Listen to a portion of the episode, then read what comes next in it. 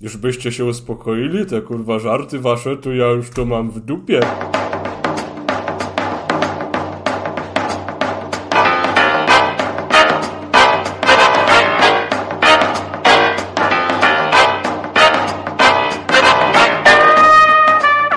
Bardzo się rozczarowałem z tymi pączkami, bo czekałem w sumie cały dzień, jakoś nie było czasu od rana i wy, wybraliśmy się po południu po pączki. I zwiedziłem cztery piekarnie. W dwóch piekarniach już w ogóle nie było pączków. E, a w ogóle cukiernie Williams to, są, to jest mie, mie, taka polska sieciówka? Pierwszy czy to jest, brzmi polsko bardzo. Czy to jest lubelska sieciówka? Nie, po polsku to by było Williamex. A tak, wszystkie firmy muszą być przez X, to jest jakby pierwsza William, zasada. William Pol. Polwimp. To może to jest tylko lubelskie. W Lublinie mają sporo tych cukierni, ale tam też nie było. One są takie, no takie fancy. Bardzo ładnie sąsiad wierci Konrad swoją drogą. E... super, super. I co? I w jednym sklepie, znaczy w jednej piekarni wchodzę, pytam się pani, wiesz, widzę tych pączków na srane, stoi w tych pudełkach od groma, po tam, nie wiem, 3,40, 3,50, no i się pytam, jakie ciekawe pączki ma pani tutaj w ofercie. Z marmoladą owocową. I kurwa tyle. Koniec tematu, wiesz. No bo teraz to, fajnie, się nie to kupuje fajnie. w cukierniach. To cukiernie są dla starych ludzi. Teraz A kupujesz gdzie się kupuje pączki? w pączkarniach. W pączkarni. Dzisiaj wiem żadnej jedną pączkar pączkarnię, no to oczywiście całe centrum miasta było zablokowane. Jakby ja dziwię się. Jakby lubię pączki, e, ale nie wyobrażam sobie stać w kolejce po na przykład dwie godziny, żeby kupić tam, wiesz, tuzin w życiu. To, to, co to na nie, to nawet nie ma takiej opcji. Eleganckie były w Biedrze po 40, tam 2 czy 9 groszy. I wystarczy, Ja ale wiesz co, ja jestem na tyle podstawowym konsumentem pączków, że e, mogę jeść całkowicie bez, bez niczego. Jak wiesz, żadnej zawartości w środku, po prostu pączek pusty. tak. Tak. w ten sposób. Jakby to są rzeczy, które ja najbardziej lubię. Żaden adwokat, żaden tam, żadna marmolada, lukier, coś tam nie. Posypane cukrem, pudrem mówisz. i... E, nie, Donaty. nie, bo to jest... To, nie, ale oponka to jest donat, czy donat to jest jeszcze czymś Nie, nie, nie. Znaczy, oponka to jest e, ciasto pączkowe. To jest tak jak pączek, tylko właśnie bez e, jakiegoś lukru, bez, bez cukru pudru, bez nadzienia, tylko tak w kształcie oponki. A to nie wiem, to jeszcze są takie zwykłe pączki, które po prostu jakby nic, nie ma, nic nie mają w sobie, ale wiesz, mają kształt pączka. A to są jeszcze serowe pączuszki. Znaczy brzmi to jak słodka bułka już teraz. Nie, nie, nie, mój drogi, nie, nie, nie. Pączki, y, pączuszki serowe są zajebiste. One są z białym serem, znaczy to się dodaje do ciasta, chyba biały ser albo twaróg, albo jakiś inny jogurt. I one, Tak, one takie kremowe są. tak, takie, moja mama kiedyś robiła takie mi No, to, i były... Mi to, mi to zawsze dziadek dawał jakby ma, a potem dostałem cukrzycy, no i Zajebisty dziadek, 10 na 10. To takie malutkie faktycznie też lubię, są też takie dobre, także e, chętnie. Ale właśnie są bez niczego, to właśnie chyba to jest to najważniejsza zmiana. Jest to po prostu płytki, nie lubię wnętrza, możemy jakby e, na, na to się zgodzić po prostu. Uuu. Darek patrzy tylko na zewnętrzną warstwę. Wydało się. Ile powiedział też, że lubi malutkie, wreszcie. Nie malutkie, tylko normalnych rozmiarów. Wystarczające, tak. Dobrze. E, Czy wszyscy są gotowi? Oczywiście. Zwarty i gotowy. Nie brzmisz. A nawet ro rozwarty. Co? Nie brzmisz. Dobrze. E, abstrahując od bardzo wesołych tutaj dyskusji na tematy zwarcia i rozwarcia Kacpra, chciałbym powitać Was wszystkich bardzo serdecznie, drodzy słuchacze, w drugim już można by wręcz powiedzieć jubileuszowym odcinku podcastu Trójkast Retro, w którym rozmawiamy o grach starych, ale wciąż jarych. Ja nazywam się Konrad Noga i ze mną są wspaniali goście. Przede wszystkim jest z nami gość specjalny, od którego pozwolę sobie zacząć, czyli Dariusz Krawełtkowski. Ej, wow, jesteś pierwszą osobą, która mówiła moje nazwisko bezbłędnie chyba, wiesz?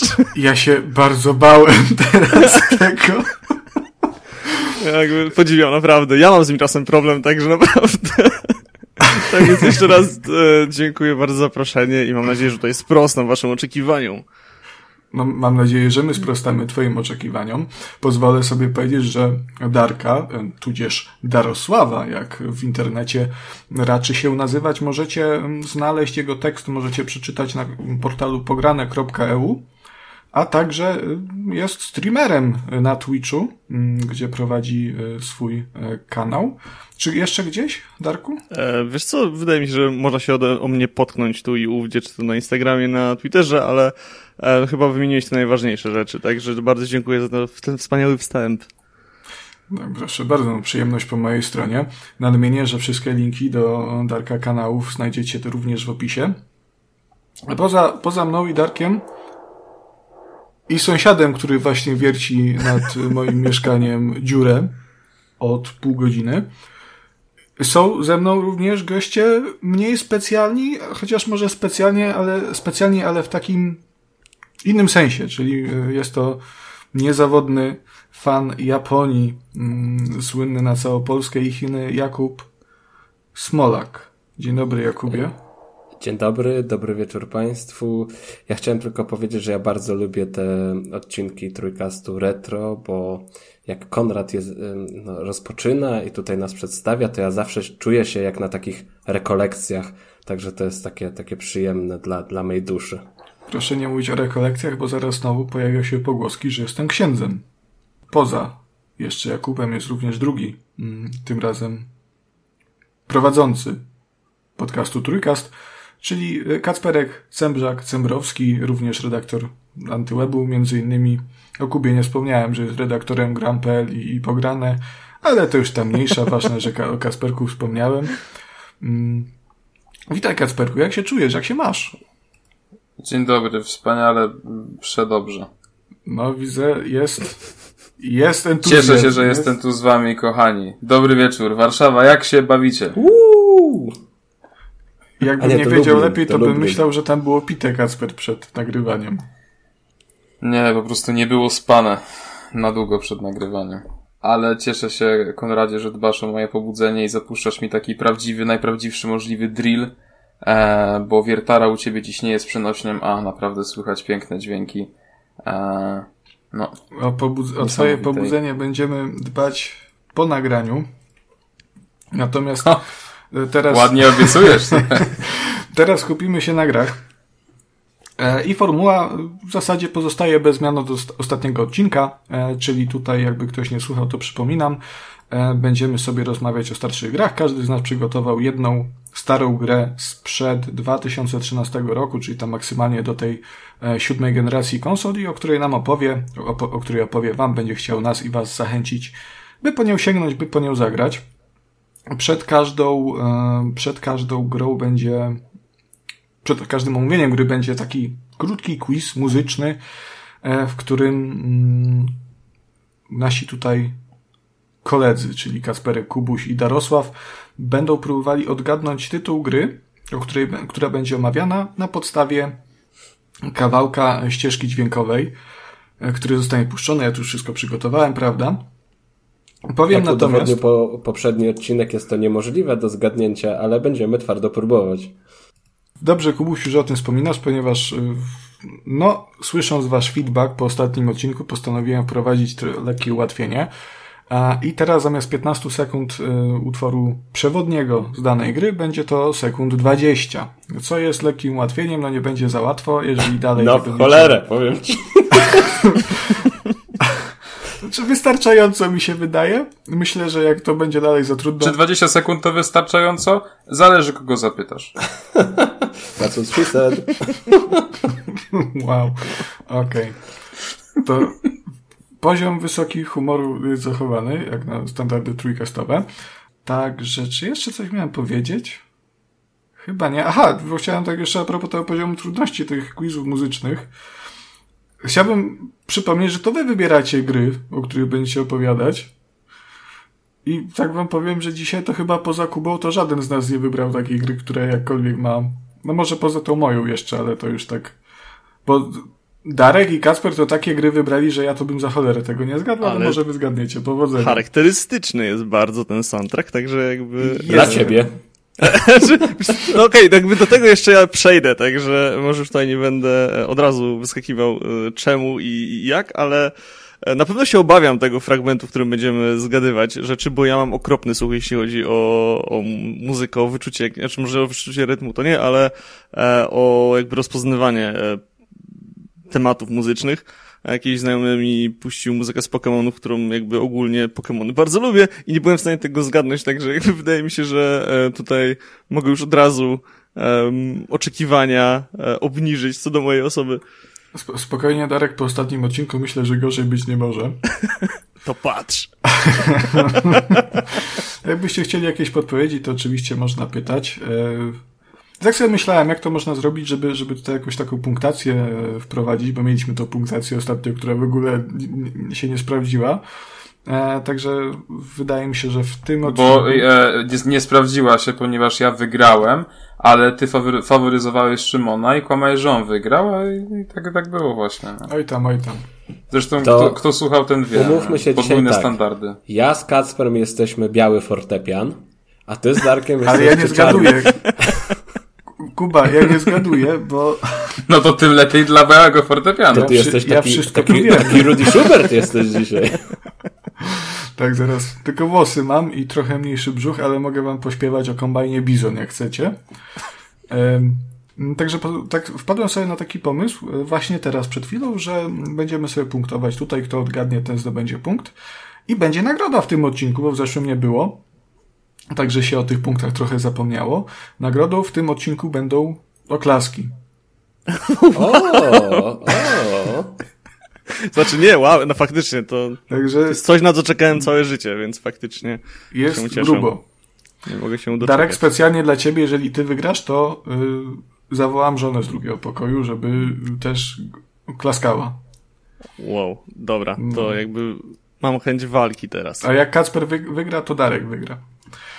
E, dobrze, e, jeszcze ostatnia rzecz, bo taka w ogóle znowu ten wstęp wychodzi bardzo długi. Natomiast Kuba, ja już bym przeszedł do gierek, ale Kuba mi nakazał, e, przekazał mi może bardziej zażalenia w związku z ostatnim regularnym odcinkiem Trójkastu 36, które złożył poprzez Jakuba jego brat Bartek, że w ostatnim odcinku było za mało o grach, tylko jakimś Kurwa, Było za, za dużo o stopach, za dużo o masażu stóp, a za mało o grach. Także w tym epizodzie skupiamy się tylko na giereczkach i y, lecimy. Dobrze, czyli wcześniej maszyna losująca poszła i wypadło, że tak jak ostatnim razem Kacper opowiadał ostatni, tak dzisiaj Kacper opowie nam pierwszy i chciałbym się zapytać, dlaczego Darek i Kuba nie są jeszcze na YouTube Watch Together, czekając na pierwszy fragment muzyki. Gdzie jest YouTube Watch Together? aha, tutaj, dobra. A tutaj, okay. dobrze, już jesteśmy. E, Chryste Panie. Już? Zapraszam, jestem. Dobrze. Podcast z dziadersami. No nie? Dajcie spokój. E, jeszcze sobie przetestujmy, czy wszyscy słyszą muzykę. Ale tu jest 16 sekund, a miało być 20. To jest, to jest bufor, spokojnie. Słyszysz Aha, muzykę? Dobrze. Słyszę muzykę. Wszystko działa. Nie, coś tam słyszę, Dobrze. no. No to w takim razie, jak wszyscy słyszą muzykę, wszystko sobie wyjaśniliśmy, każdy wie, co się dzieje, to ja bardzo serdecznie chciałbym was zaprosić wszystkich, żebyście wraz ze mną udali się w magiczną podróż o, ku dźwiękom muzyki. Tak, cichutko, Kubusiu, słuchamy utworu Kacpra.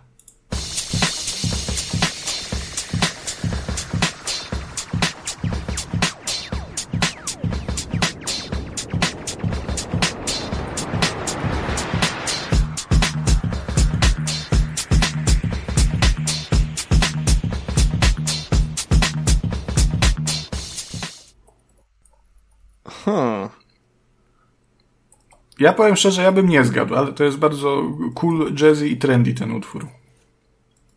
Znaczy pewnie tutaj strzelę ogromne faux pas, ale bardzo budzi mi ten utwór skojarzenia z Jet Set Radio. Mm, klimatem chyba no tak, ale, ale to nie jest to. Okej. Okay podpowiem, bo widzę, że nie rwiecie się do odpowiadania. To jest. Znaczy, jak znam Kacpra, to obstawiałbym, że któraś część serii Total War. To zgadł pan, dobrze. Co? Shogun. Wow! Nie, nie, to jest, to jest e, gra wydana na PlayStation Portable w 2005 roku. No ja mogę tylko podpowiedzieć, że ja na przykład po tej muzyce sam bym nie zgadł. Taką. Tak, tak, odpowiedź. to nas to mm, nakierowało. No ja nie, nie mam bladego pojęcia, nie, nie wiem. Czy jak ci powiem, że grę, um, grę stworzyło studio Liverpool, to czy to cokolwiek y, ci pomoże? Mm, nie. A jakbyś zasugerował gatunek może? Y, wyścigi. O, czaj, PSP. 2005 rok. Czy to jest kolejny crash jakiś? Nie, ale krasze tu są. Otóż nie. Ja odpadam, ja nie będę strzelał, bo w ogóle nie wiem, nie wiem, wyścigi z 2005 roku na PSP. I to jeszcze taka muzyka, to muszą być jakieś takie arcade'owe. Mm, tak, dobrze. Asfalt? To, nie, Nie. dobrze. Myślę, że tutaj jak nikt nie zgał, to nikt nie dostaje punktów. Koniec konkursu. Może Kacper powinien dostać, jak nikt nie, nie zgadł za to, że taką trudną... To, to, to ja, ja może y, powiem, co myślę. Tak, Kacper. Myślę, wydaje mi się, że to jest Wipeout Pure. Wow, wiesz, to jest okropne. E, I ja niedawno ten remake Wipeoutów wsadziłem do PlayStation e, i zacząłem sobie ogrywać, także trochę, trochę zabolała ta informacja, że tego nie rozpoznałem, e, bo jestem niby w teorii dosyć na bieżąco. E, Umówmy się, ten motyw przewodni tej gry, bo w ogóle Znaczy Wipeout to- są dosyć takie generyczne, jeśli chodzi o muzykę, mam wrażenie. w ogóle są generyczne te gry. Prawda, Kacper? Cóż, jeśli chodzi o Wipeouty, to ch chciałbym wiedzieć więcej niż wiem, muszę przyznać, ponieważ grałem w dwie odsłony. Grałem właśnie w tą e, Pure na PlayStation e, Portable i potem grałem w e, 2048 na, mm, To był Battlefield. na PS Vicie. Mm, Aż sobie przypomnę, jaki to był 2048 był na bicie, tak. Tak, tak, no właśnie. E, I i z, dlaczego wybrałem w ogóle Wipeouta? Bo to jest właśnie gra, która e, no jakoś niespecjalnie gdzieś tam jest dla mnie super ważna, ale e, z, akurat z Piórem e, łączy się bardzo śmieszna, e, przynajmniej dla mnie historia, mm, ponieważ to będzie tak nostalgiczne wspomnienie. E, Kiedyś pojechałem do Niemiec do swojej ciotki i kuzyna. Ten kuzyn mia, ma na imię Lukas. I on, Podolski. wiadomo, bogata, bogata niemiecka rodzina, e, więc miał tam DS-a i miał PSP i miał PS2 chyba. I nie chciał mi na niczym dawać grać. Byłem bardzo sfrustrowany tym faktem. E, no i wręcz do tego stopnia, że się nawet rozpłakałem. No ja wtedy, nie wiem, z 5 chyba, czy e, 6 lat. E, I e, skończyło się to tak, że z płaczem zadzwoniłem właśnie do taty i tato e, coś tam jakby mi mówił, a tam synku, wiesz, w dupie go miej, essa z frajerami, nie? Bardzo progresywny tata. Tak. Wróciliśmy do, do domu, bo byłem właśnie w tych Niemczech z mamą, no a tam tato e, kupił mi PSP, zrobił mi taką niespodziankę. No i pamiętam, że tam miał jakąś grę startową, nie pamiętam za cholerę jaką, ale to były gry, e, te, też takie wyścigi na zasadzie jakichś po prostu e, motocykli, nic w każdym razie specjalnego. E, no i potem konsola zniknęła z domu i potem wróciła z Wipeoutem. Okazało się, że e, Czyli kontynuujemy wątek. Do swojego, tak, do swojego kolegi i, i sprawił tak, że granie w gry stało się dużo łatwiejsze na tej konsoli. Ale popularne w tamtych czasach, to były lata 2005-2006, wszystko zrozumiało. Mi się E, podoba, jak no każda i- historia Kacpra o retro musi nawiązać o piractwo. No ale tak wyglądała Polska te, te, te kilkanaście No tak, lat temu, no. no. wiesz, nie było innej drogi, kurczę. No, albo miałeś grę z gazety, albo miałeś grę z kosza w, w supermarkecie, albo miałeś pirata, no. Albo nie miałeś gier po prostu. Ale ja nie wiedziałem, że to pirat, więc jakby klauzula sumienia, e, nic się, ja nie czuję się winny, więc nie jestem winny. Po prostu. Piractwo bierne. Konrad, znaczy Konrad, Kacper to tak nie działa, wiesz? Tak na przyszłość tylko powiem, jakbyś planował coś głupiego, to nie jest tak, że jak nie czujesz się winny, to znaczy, że nie jesteś winny. Nie próbuj tego w domu. W każdym razie ta gra z tymi motocyklami po prostu zniknęła z konsoli. Ja w sumie niezbyt się przejąłem, ale pojawił się Wipeout. No i wiecie, tu jeździłem krosami po jakimś błocie, no niby fajnie, ale nic specjalnego. a tu nagle jakieś kurde lewitujące rakiety, szybkie jakieś futurystyczne w ogóle mapy, jakieś boosty, jakieś to, to, szmiry, tiry, no ja tak po prostu byłem w niebo wzięty sobie, myślę, kurczę, tato, co ty zrobiłeś, nie? I mówię do taty, ja mówię, a co się stało z tamtą grą?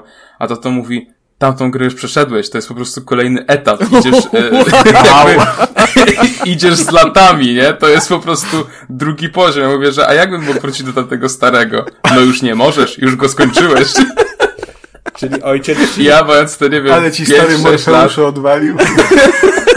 nie, jakby totalnie w to uwierzyłem i sobie myślę, wow, fajne te gry, że cał wygląda jak całkowicie inna gra. No okazało się, że to była całkowicie inna gra. Ci po prostu ojciec zrobił cywilizację z tych wyścigów, że tam zaczynasz jakimiś krosami, a to się wszystko rozwija.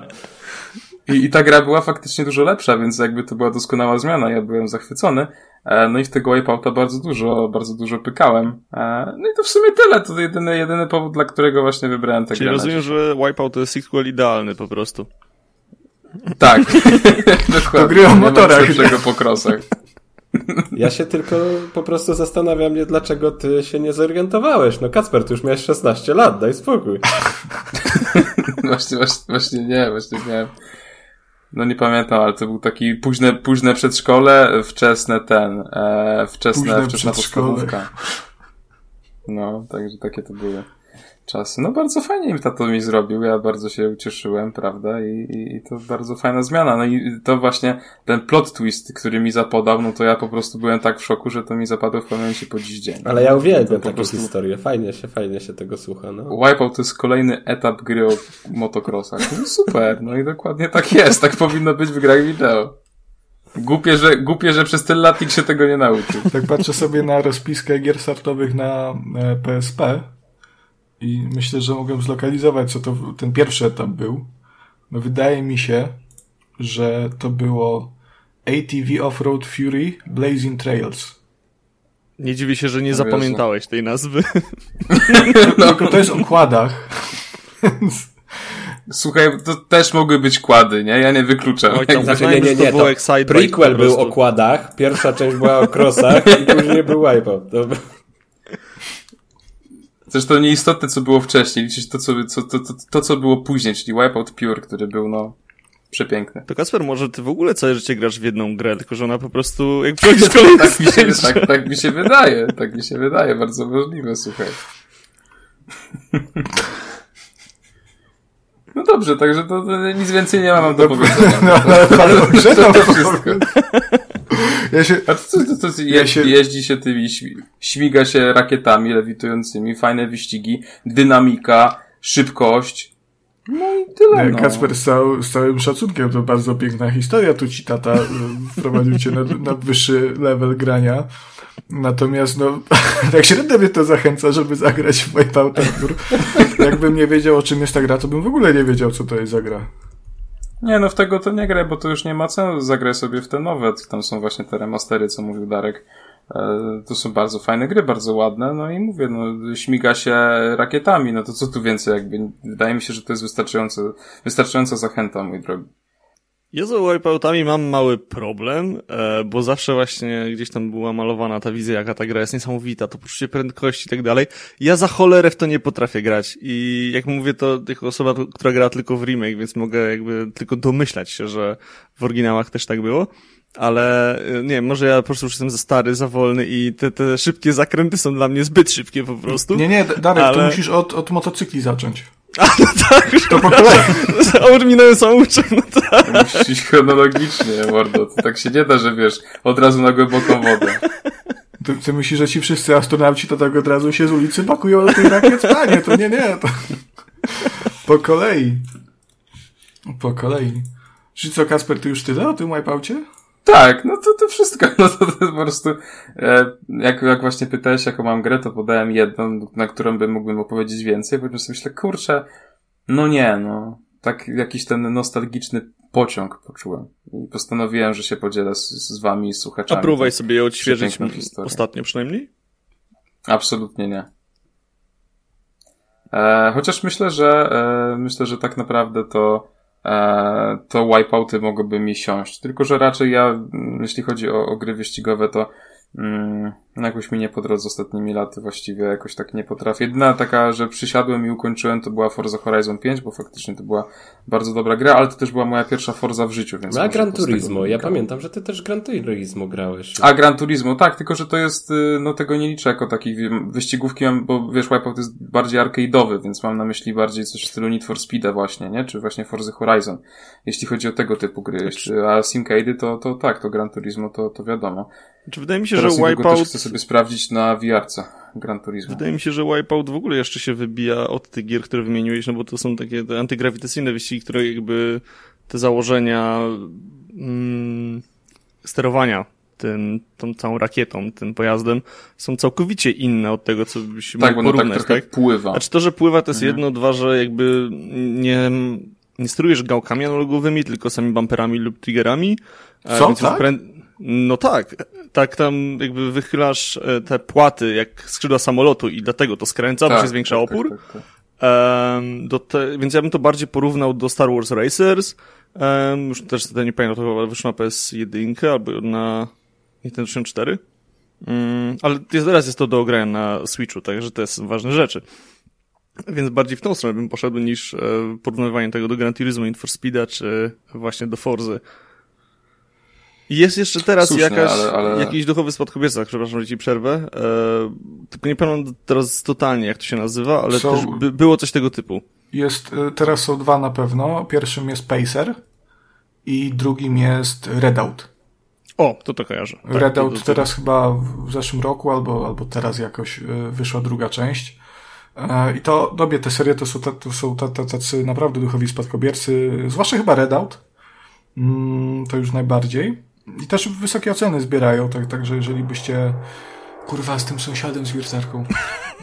Także jeżeli byście chcieli sięgnąć sobie po e, coś takiego właśnie w tym stylu, w tych, tych futurystycznych bolidów e, pędzących na złamanie karku, a to chyba ten Redout i Pacer by były super, chociaż wydaje mi się osobiście, że nawet te starsze wipeouty to nie byłby jakiś straszny problem, żeby do nich wrócić. To są, wydaje mi się, gry na tyle proste w swoim założeniu, że, że mechanicznie one się, wydaje mi się, raczej nie zestarzały zbytnio, a do tego grafika jest z tego, z tego co patrzę, bo ja mówię, ja nie grałem żadnego Wipeouta, ale, ale tak jak patrzę sobie na zdjęcie, to grafika jest na tyle stylizowana, pl- plus przy tej prędkości się e, dość mocno rozmywa, e, także to będzie wyglądało lepiej niż wygląda w rzeczywistości, także myślę, że spokojnie nawet do tego Wipeouta e, Pure można wrócić. Mm, Też chciałbym powiedzieć, bo tutaj e, padło też hasło, że Wipeout jest mm, grą o futurystycznych wyścigach. Ja wydaje, wydaje mi się, że Wipeout był e, gr, gr, serią o futurystycznych wyścigach, ponieważ ostatnią pełnoprawną odsłonę dost- dostaliśmy właśnie w 2012 roku przy okazji Wipeouta 2048. No to E, faktycznie no. nasze czasy są. Tak, no i od 11 lat jest posłucha, no nie licząc tego Mega Collection, który jest tak naprawdę zremast- z paczką zremasterowanych starszych części, nie? E, Tego bym nie rozpatrywał mimo wszystko o, jako pełnoprawną odsłonę, no to, no, nawet jeżeli, no to wciąż od 6 lat nie ma nowego Wipeouta. Może wróci. E, f- Ja wiem. Nie wydaje Czyli mi się, jest że... straszna posłucha w temacie, bo nawet jakbyśmy patrzyli na e, wszystkie, e, całą konkurencję, która była z tego okresu, to nic się nie ostało. Jakby, czy ktoś w ogóle F-Zero grał jakby w jakieś nowsze, no też jakby to było lata temu. Wydaje mi się, że albo to już będzie taka nisza mniejszych gier, które jakby tutaj przywołałeś wcześniej, albo no po prostu temat będzie coraz bardziej zapomniany. Jakie F-Zero wyszło ostatnio właśnie? F-Zero na GameCube'a wyszło Uff, w 2003 Climax. chyba, o ile się mylę, więc e, F-Zero W GT też, 2004. GX, Mhm. no tak. Climax, nie GX. A GX Climax wcześniej nie. chyba. A, czekaj, to są dwa na GameCube'a teraz? Pa, kop, ka, panie kolego, kochany. O, GX ja 2003. Zaraz obok F-Zero AX arcade'owego. A potem, panie kolego, w 2004 był jeszcze na GameCube F-Zero GP Legend i właśnie Climax na, też na Game Boya Advance. No ja nie wiem, czy to w sumie można nazwać takimi... No jest to pełnoprawna część, ale to jest taka, jeżeli mowa o dużych konsolach, to faktycznie ten GX był chyba ostatni. No niestety, wydaje mi się, że, że, że ten gatunek jakoś nie ma aż tak dużej grupy odbiorców, żeby to mogło przetrwać, bo właśnie to miałem też mówić o tym F-Zero, że to F-Zero padło, e, potem w sumie ten Wipeout był takim duchowym spadkobiercą F-Zero, też padł e, i po wipe, Wipeoutie teraz mamy te, te mniejsze gry, tak jak mówiłeś, Darku Pacera i Redouta. No cóż, no miejmy nadzieję, że, że to jakoś odżyje, bo to w sumie jest, jest taki gatunek gier, którego nie ma, a wydaje mi się, że jest bardzo, bardzo fajny i przyjemny. A nie wydaje ci się, że trzeba by coś bardziej nakombinować w tych grach, żeby teraz trafić do y, szerszego grona odbiorców, że po prostu takie arcade'owe wyścigi to byłoby za mało? Nie, wydaje mi się, że na przykład taki Need for Speed Unbound, Unbound y, udowadnia, że arcade'owe wyścigi są dalej w cenie. No tutaj no, ale w Unbound inny poziom arcade'u, ja wiem. Y, masz ciągle jakieś tuningowanie i tak dalej, co nie? To są te takie dodatkowe elementy, które gdzieś tam um, wzbogacają tę grę, masz marki, znane marki samochodów, więc to trochę jest inaczej. W Wipeoutie byśmy się mogli ścigać z SpaceXami na przykład. Z czym? Z SpaceXami. SpaceXami. Nie no, myślę, że dało Albo... się to zrobić. To nie jest jakiś taki koncept na tyle odjechany, żeby to było w ogóle jakieś nie do pomyślenia. No, tuning jakieś nawet, nawet ten otwarty świat można by było do tego jakoś wrzucić, jeżeli by twórcy tylko chcieli. E, o, to świetny przykład. Na przykład e, ostatni dodatek do Forza Horizon 5, e, ten z e, Hot Wheelsami. No przecież, no to jest i otwarty świat, to jest i takie odjechane trasy, i no wysokie, może nie aż tak jak w Wipeoutie, ale wysokie prędkości. Mm, także jakby w tym kierunku pójść, e, do, dorzucić tam właśnie kustomizację tych bolidów, ja myślę, że to by mogło wypalić, nie? Tylko no, a takie trzeba się odważyć. jest Unleashed, to nie jest to? A to nie ma otwartego... rodzaj gry? Znaczy, jest ten rodzaj gry, no. Tylko, wiesz, to dalej nie jest to samo. To nie są te wyścigi tych futurystycznych bolidów. A nie uważacie, że jest po prostu przez tą stylistykę trudno to sprzedać? Aktualnie? Że jest za mało kul? Cool? Znaczy, właśnie chodzi mi o to, że jak sięgasz po grę wyścigową, to raczej też się spodziewasz pewnych już założeń i e, chcesz takiego pakietu, e, który Wipeout po prostu nie daje, mm, przez to, że jakby nie ma kółek, jakby nie masz tego tarcia na podłodze i tak dalej. Jest to jakby zupełnie inne doświadczenie od tego, co byś się e, mógł spodziewać po grze wyścigowej. I z jednej strony to jest oczywiście duży plus, no bo jakby nie chcemy grać ciągle w to samo, w teorii, ale z drugiej strony właśnie przez to, że to jest na tyle inne, to jakby trudno jest znaleźć y, kogoś, kto się odważy raz, żeby ten projekt oczywiście stworzyć, a dwa, żeby zaryzykować kupno, bo, no bo no, raz, że tego nie porównasz do niczego innego, jeśli nie zagrasz, to do końca też nie wiesz, czego się spodziewać, e, a dwa, no po prostu ten koncept właśnie przez to, że jest troszkę e, inny i daje ci, nie, nie, nie daje ci tego pakietu, o którym mówiłem, no to trudno ci po prostu po to sięgnąć. Jak zaraz obok na przykład Need for Speed czy inna Forza. Jako dodatek, jako już sprawdzonego motywu, nie widziałbym problemu najmniejszego. Jak właśnie Forza zrobiło z, z Hot Wheelsami, czy z tym dodatkiem Lego i tak dalej, to wtedy, to jest wtedy super, tak? Jakby masz ten swój główny pakiet, yy, masz te tarcie, ma, masz te wszystkie swoje ustawienia, czy chcesz jeździć za kierownicy, z, yy, mieć ten feeling po prostu siedzenia za tym bolidem, a potem w dodatkach po prostu już jest e, czysta amerykanka, odjazd i robisz co chcesz. I w takim wypadku Wipeout wydaje mi się, że e, chętnie. I jakby może ja tu teraz mówię jakieś herezje e, dla jakichś wielkich fanów e, Wipeouta, ale na ten moment nie widzę, żeby dało się to tak e, z takim sukcesem sprzedać, nawet po usprawnieniach, o których mówiliście, jak te ulepszenia wozów e, i inne modernizacje. Ja to, to znaczy ta gra na pewno by nie była jakimś wielkim mainstreamem, to był, byłby e, byłaby pewna nisza, natomiast no, trzeba pamiętać, że gra wyścigowa, grze wyścigowej nie, nierówna i cały, cała ta społeczność fanów wyścigów też jest bardzo zróżnicowana, nie? No bo mamy e, ludzi, którzy wolą bardziej realistyczne wyścigi, tak jak na przykład właśnie Gran Turismo wcześniej wspomniane, czy ta Forza Horizon, a są ludzie, którzy stawiają na czysty arcade i chcą się po prostu bawić i, i czekają na kolejnego Motorstorma, na Ridge Racera, pamiętacie w ogóle taka seria była Ridge Racer. A, czy, czy, czy właśnie Wipeout i F-Zero. Mm, także myślę, że tutaj by była publika jak najbardziej. No ale, ale cóż, no. Prawdopodobnie się, wydaje, się nie doczekamy. Jak, że jak spróbowaliby to ograć jakimiś właśnie ciekawymi mechanikami, które gdzieś by tam może sorry, które gdzieś by tam może bazowały na fizyce gry i tak dalej, to, to by się dało fajnie ograć. Bo tak mi się przypomniało takie Art of Rally na przykład, nie? Bo to też takie, takie wyścigi, ale trochę inne, ale przez to, że oferowały coś oryginalnego, to jednak znalazło to. A wiesz o czym ja pomyślałem? No. Tak jak myślałem o odnowieniu Wipeouta, o Hi-Fi Rush. I to jest też tak, to co wspomniał też Darek na początku, jak zgadywaliście, też od Jet Set Radio wspomniał. Jeżeli chodzi o styl graficzny, ja bym w sumie Wipeouta widział w takim stylu graficznym, bardzo mocno komiksowym i też, dlaczego wspominam o Hi-Fi Rush, a to jest też powiązanie z muzyką. I to jest, jestem w ogóle zaskoczony, że Kacper, ty o tym nie wspomniałeś, bo wydaje mi się, że wipeouty, jeżeli chodzi o ścieżkę dźwiękową, to one są takie dosyć, że to jest dosyć ważna kwestia w nich. Mm, także wydaje mi się, że gdyby taką ścieżkę dźwiękową, tą taką elektroniczną tech, techniawkę połączyć z takim bardzo mocno komiksowym stylem graficznym, żeby to wszystko też działało w takim tym rytmie z tą super wysoką prędkością, ja myślę, że to by mogło być coś naprawdę zajebistego. No, wydaje mi się, że teraz w tych czasach ma to potencjał, bo coraz więcej gier gdzieś tam albo jest właśnie w pełni komiksowe powiedzmy, albo ma tam elementy zaczerpnięte z tego stylu graficznego, więc myślę, że mogłoby to wypalić, tylko że mm, właśnie nie wiem, mm, kurczę, e, obawiam się, że po prostu to, co mówił Darek, że w tej chwili jest zbyt małe grono odbiorców i by się po prostu nie opłacało, ewentualnie jako jakaś gra na zasadzie Streya, który robi jakaś tam mniejsza Mm, mniejsze studio i po prostu Sony to potem wrzuci do swojego katalogu extra czy premium e, i tyle, ale raczej na sprzedaż to tak e, nie ma, nie ma co liczyć.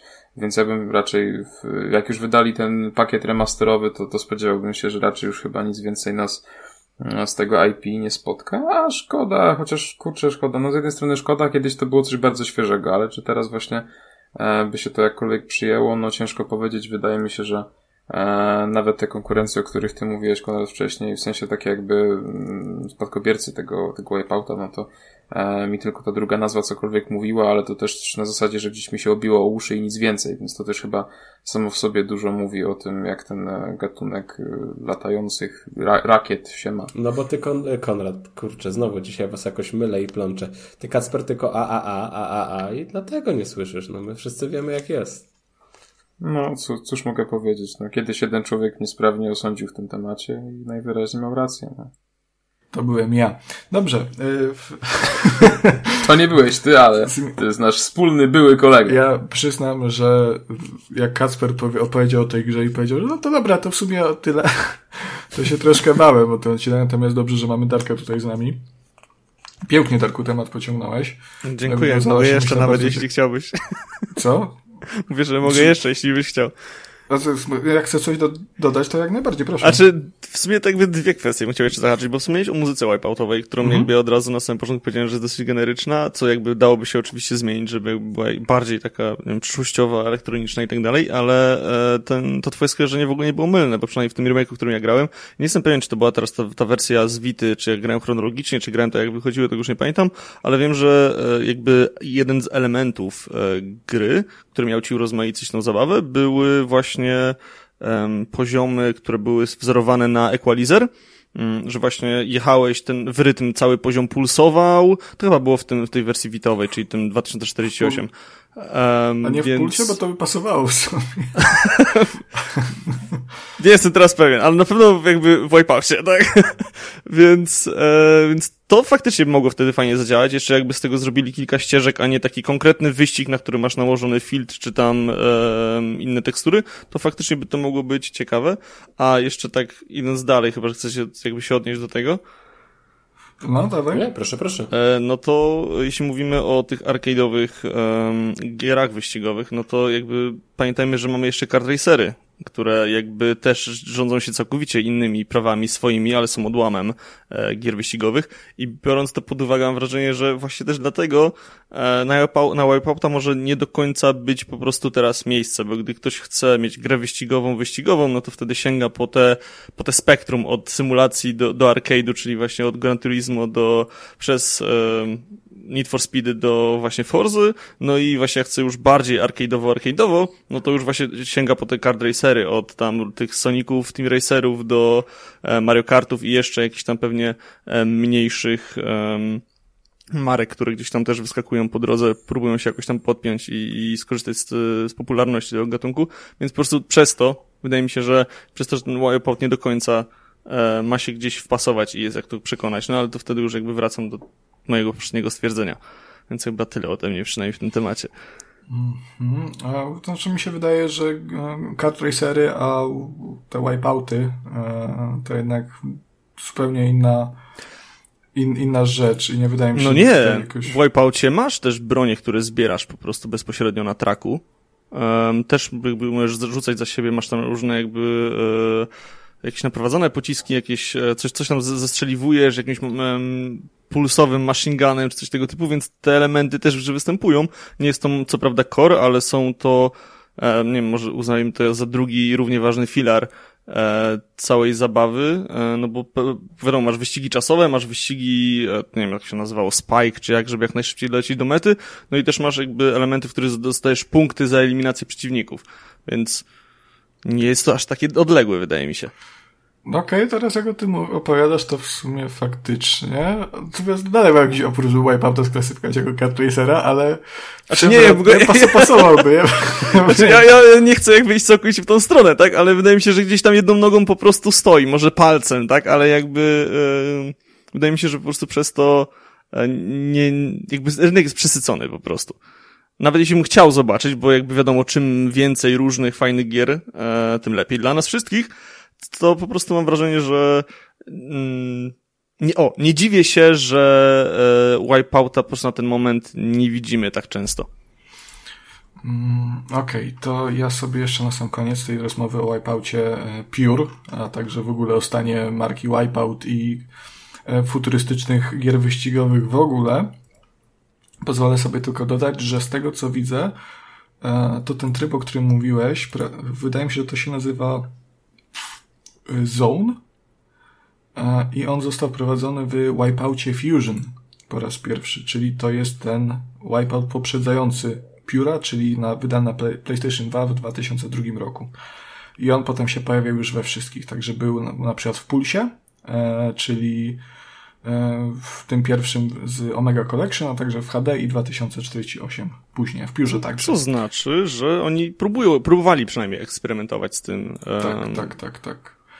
E, okej, okay. jeżeli byście chcieli w Wipeout Pure zagrać, to e, przyda się PSP przede wszystkim, no bo to jest gra ekskluzywna, e, a także jakiś tam drobny, drobny zasób pieniędzy, ale, tak, ale naprawdę drobny, ta gra droga nie jest na Allegro, można ją dostać za 30 zł. Mm, także myślę, że to jest w miarę uczciwa cena za Wipeouta Pure. No to ceny miały wysokie, Kacprowi się też podobało. No mi całkiem tanio się udało wysłać, pamiętam. tak, tak. Chyba Pierwszy poziom jest najlepszy.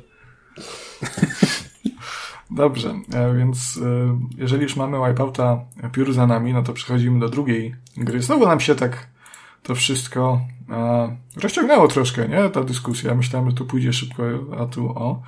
Mm, ale bardzo fajnie. Mm, Im więcej rozmowy o giereczkach, to ja uważam, że tym lepiej. E, I teraz, z tego co podpowiada mi moja wspaniała rozpiska, moja kolej, żeby opowiedzieć o grze. E, myślę, że tym razem, jeżeli chodzi o nasz mały quiz, e, pójdzie nieco łatwiej, bo to jest bardzo charakterystyczny motyw muzyczny i e, powiedziałbym, że wręcz kultowy.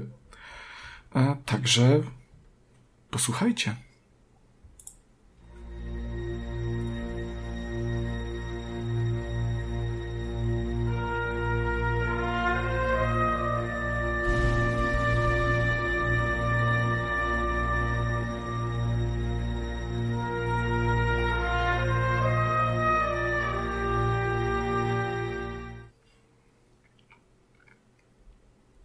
Ktoś jakiś e... pomysł? Znaczy, na pewno to kojarzę, gdzieś tam bije dzwon, ale nie wiem gdzie. Um... Fable. Zgadł pan. Serio? Nie. Poważnie? A, dobra, kurczę. E... E... Okej, okay, to jest bardzo charakterystyczny motyw muzyczny, natomiast tak patrząc na was. Ale czekaj, bo się wycwaniłeś. przerażonych, no. Bo się wycwaniłeś i pierwsze tam 5 czy, czy 10 sekund tego to po prostu był um, wiesz, dymanie To się dopiero rozkręcało. No prawda? właśnie, To jak wydaje nie mi się, był że Słaby fragment wybrałeś, oszukujesz po prostu. Nie oszukuję. Ja myślałem, czy by tego nie przedłużyć, ale te pierwsze e, nuty są najbardziej charakterystyczne dla tego, dla tego utworu przewodniego. Um, podpowiem wam e, parę rzeczy. Na przykład to, że mm, deweloperem tej gry jest DreamWorks Interactive. Jest to tytuł... Shrek. Zgadł pan znowu. Ja- Jak to robisz? Trzy punkty. Gra została wydana piosenkę tylko- zgadłeś dwa razy. Każdym razem inaczej, za każdym razem dobrze. E, Gra została wydana tylko i wyłącznie na pierwsze PlayStation w 1999 roku. E, Pracował nad nią e, Steven Spielberg i dała ona początek... Medal of Honor? Tak. Ha! Uff, 3-1, Darek. Dobrze nam idzie. jest, wybornie. To tak, Kasper, to tak nie działa. To nie, nie. Dorosła wygrywa. E, tak, to jest chyba w ogóle, nie wiem, czy to nie jest pierwszy raz, jak, jak ta gra została, tytuł gry został odgadnięty do, tak dość szybko i, i zwięźle. Ale serio, E, miałem rację? Nie. Tak, to jest pierwszy Medal of Honor. E, Wow. To jest ta gra, o której przy, o którą przygotowałem. I to jest również gra, z którą łączy mnie olbrzymie uczucie nostalgii. To jest jeden z tych tytułów, które wprowadziły mnie w świat e, gier i wydaje mi się, że nawet na ten e, drugi, drugi etap, na, na, na drugi, drugi poziom grania. E, Bo pamiętam, jak grałem w to, tak jak Kasper grał w Wipeouta piór w przedszkolu, w późnym przedszkolu, tak ja e, w Medal of Honor grałem również w przedszkolu.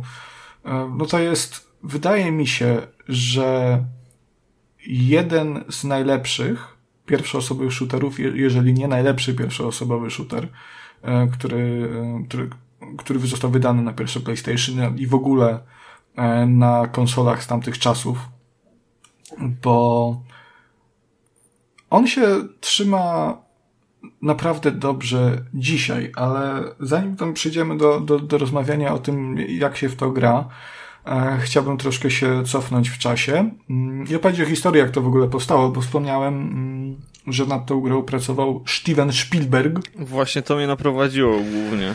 E, tak, właśnie jestem w sumie zaskoczony, że, że, że o tym o tym wiesz, to znaczy nie, to jest chyba, jeżeli chodzi o, o pierwszy Medal of Honor, to jest taki dość, dość znany fakt, natomiast e, bardziej chodziło, byłem zaskoczony dlatego, że nie wydawało mi się, że, że pierwszy Medal of Honor w ogóle, czy takie strzelanki to są w jakimś takim twoim okręgu zainteresowań growych.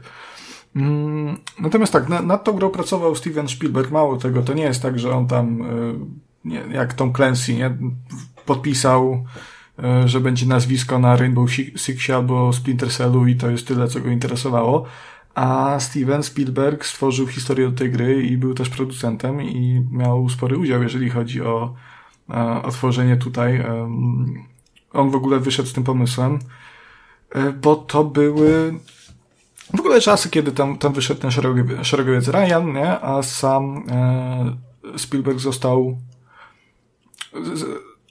został zainspi- zainspirowany do stworzenia gry wideo przez swojego syna, który tam zagrywał się w GoldenEye 007, czyli kolejną kultową konsolową strzelankę, która teraz, jeżeli nie wiecie, wyszła e, w wersji zremasterowanej, także jeżeli nie graliście, to możecie to teraz w łatwy i wygodny sposób nadrobić e, na Switchu i na chyba na Xboxie, nie, nie wiem czy to jest na PC i na PlayStation 5 też. Mm, Natomiast y, no Spielberg przez to, że tam syn grał tak Golden, GoldenEye'a i, i, i Spielberg widział, jak, jak, jak ten syn, syn w to gra, mógł sobie podejrzeć te gry, zaczął widzieć też, że to medium e, ma potencjał, żeby opowiedzieć jakąś historię, żeby e, coś przekazać, więc postanowił, że stworzy grę wojenną, co nie było się też bez kontrowersji, no bo w okolicach premiery y, tam była ta niesławna masakra w y, Columbine mm, w 99 właśnie. E, No i wtedy wszystkie gry takie dosyć, dosyć brutalne były nacenzurowane, a tutaj jeszcze e, nie wiem, czy to nie był taki y, pierwszy poważny shooter w, osadzony w czasach II wojny światowej. To, tak szczerze powiedziawszy, nie wiem, czy tam było coś wcześniej e, podczas II wojny.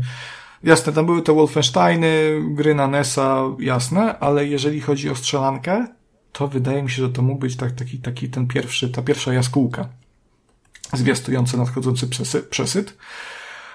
I w ogóle co ciekawe, sam Spielberg też trochę obawiał się wydać, e, wydać tę grę osadzoną podczas II wojny światowej właśnie z tego względu, że wydawało mu się, że e, no, był w, w świecie rozrywki był, był przesyt tą tematyką, co brzmi dosyć zabawnie, zważywszy na to, że ten przesyt nastąpił tak naprawdę, no nie wiem, no, no z 8, 9 lat później, czyli niedługo po tym. E, ale w 99 roku było to jeszcze świeże. E, jedną z takich innych, innych kontrowersji było samo użycie e, tytułu Medal of Honor oraz osadzenie właśnie tej gry w tych realiach II wojny. Tutaj odezwały się głosy sprzeciwu z, mm, nie wiem jak to przetłumaczyć, to się nazywa Congressional Medal of Honor Society, czyli to jest takie stowarzyszenie medalu honoru, coś, coś w ten deseń. Znaczy, no, jeśli ktoś nie wie, to Medal Honoru jest po prostu najwyższym odznaczeniem w Ameryce tak. i to dlatego było kontrowersyjne. No, raz wykorzystanie nazwy, a dwa, no, wtedy jeszcze gry kojarzyły się właśnie z dumami, z Wolfensteinami i nie traktowano ich jako mhm. na, narzędzie narracji. A więc tutaj też właśnie do Spielberga się kilka osób zgłosiło to, ale tak, proszę nie kontynuuję. Sorki. Teraz, teraz jak tak o tym opowiadacie, to miałem taką wizję, że ten metal wygląda tak, że to jest taka płytka CD i tam taka wstążeczka przez środek przewlecona i on, się tak ładnie błyszczy i mieli na szyi później. Tak to, tak to wyglądało, do tego były takie kontrowersje chyba. E, także niewiele brakowało do tego, żebyśmy w ogóle nie otrzymali tej gry, nie, nie mielibyśmy Medal of Honor, nie mielibyśmy całej serii Medal of Honor, która e, do pewnego momentu była przecież no, fenomenalną serią. E, a także moglibyśmy nawet nie mieć Call of Duty. Bo, no jakby nie patrzeć, pierwsze Call of Duty zostało stworzone przez e, ludzi, którzy wcześniej pracowali nad Medal of Honor Allied Assault. Także może dzisiaj by nie było tej wojny między Microsoftem i PlayStation, gdyby nie Steven Spielberg. E, na całe szczęście tam się udało, e, udało załagodzić te kontrowersje. Po, po prostu prezydentowi, czy tam prezesowi może bardziej tego stowarzyszenia medalu honoru, medal of honor, nie wiem jak to przetłumaczyć naprawdę, e, pokazano demo tej gry i nie dość, że przekonali go, że to nie będzie zamiana poważnego tematu w, w piw-paw i piu-piu, ale wręcz y, no, gość zaczął się tym interesować i y, udzielał, to, to się nazywa endorsement, czyli no, zaczął tak jakby reklamować to swoim nazwiskiem. E, także to był w ogóle ciekawy obrót do 180, zwłaszcza w tamtych czasach. Mm, no i dzięki temu mamy naprawdę fantastyczną strzelankę, tylko dodam, że Medal of Honor to średnia ocena metakrytyku to jest 92 na 100. Czyli to jest bardzo, bardzo e, wysoko. Natomiast mimo, że wtedy ta gra była bardzo wysoko oceniana, no to może się w waszych głowach pojawić taka, taka myśl, że okej, okay, to były inne czasy, to były inne standardy. Tak, a no dzisiaj, no matko, no przecież to pierwsze PlayStation, no, na początku jak to wyszło, to nawet nie miało analogów dwóch. Miało tylko krzyżaka. No to jak, jak w to tak grać? Jak to może być dobre? Przecież te strzelanki na konsolach to jeszcze, o panie, parę ładnych lat zanim się stały grywalne, a, a co dopiero dobre. Także jak to, jak to mogło, mogło w ogóle działać?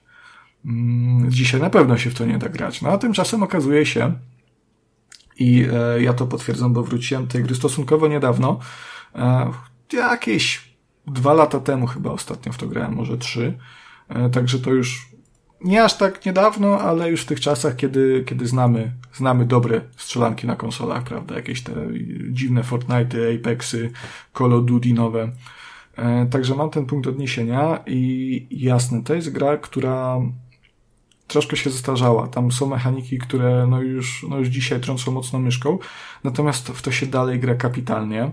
E, fajnie pomyślano sterowanie w ogóle, bo to nie jest tak, że e, ta gra stara się emulować sposób grania w strzelanki na komputerach osobistych.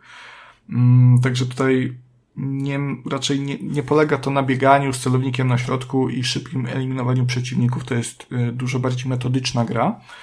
E, w ogóle grając tak, tak normalnie, nie mamy nawet celownika na ekranie, musimy plus minus to oceniać. Żeby móc celować precyzyjnie, musimy przystanąć, wcisnąć R1 i wtedy sobie krzyżaczkiem czy tam analogiem wycelować przeciwników. To i to jest wszystko fajnie zbalansowane, bo to nie jest tak, że w tym czasie wszyscy zaczną do nas naparzać. Tam e, jest, za, za twórcy zadbali o to, żebyśmy mieli odpowiednio dużo czasu, żeby móc e, poczuć, że, że ta rozgrywka jest po prostu sprawiedliwa i, i e, nie ciąży nam to, że musimy się zatrzymać.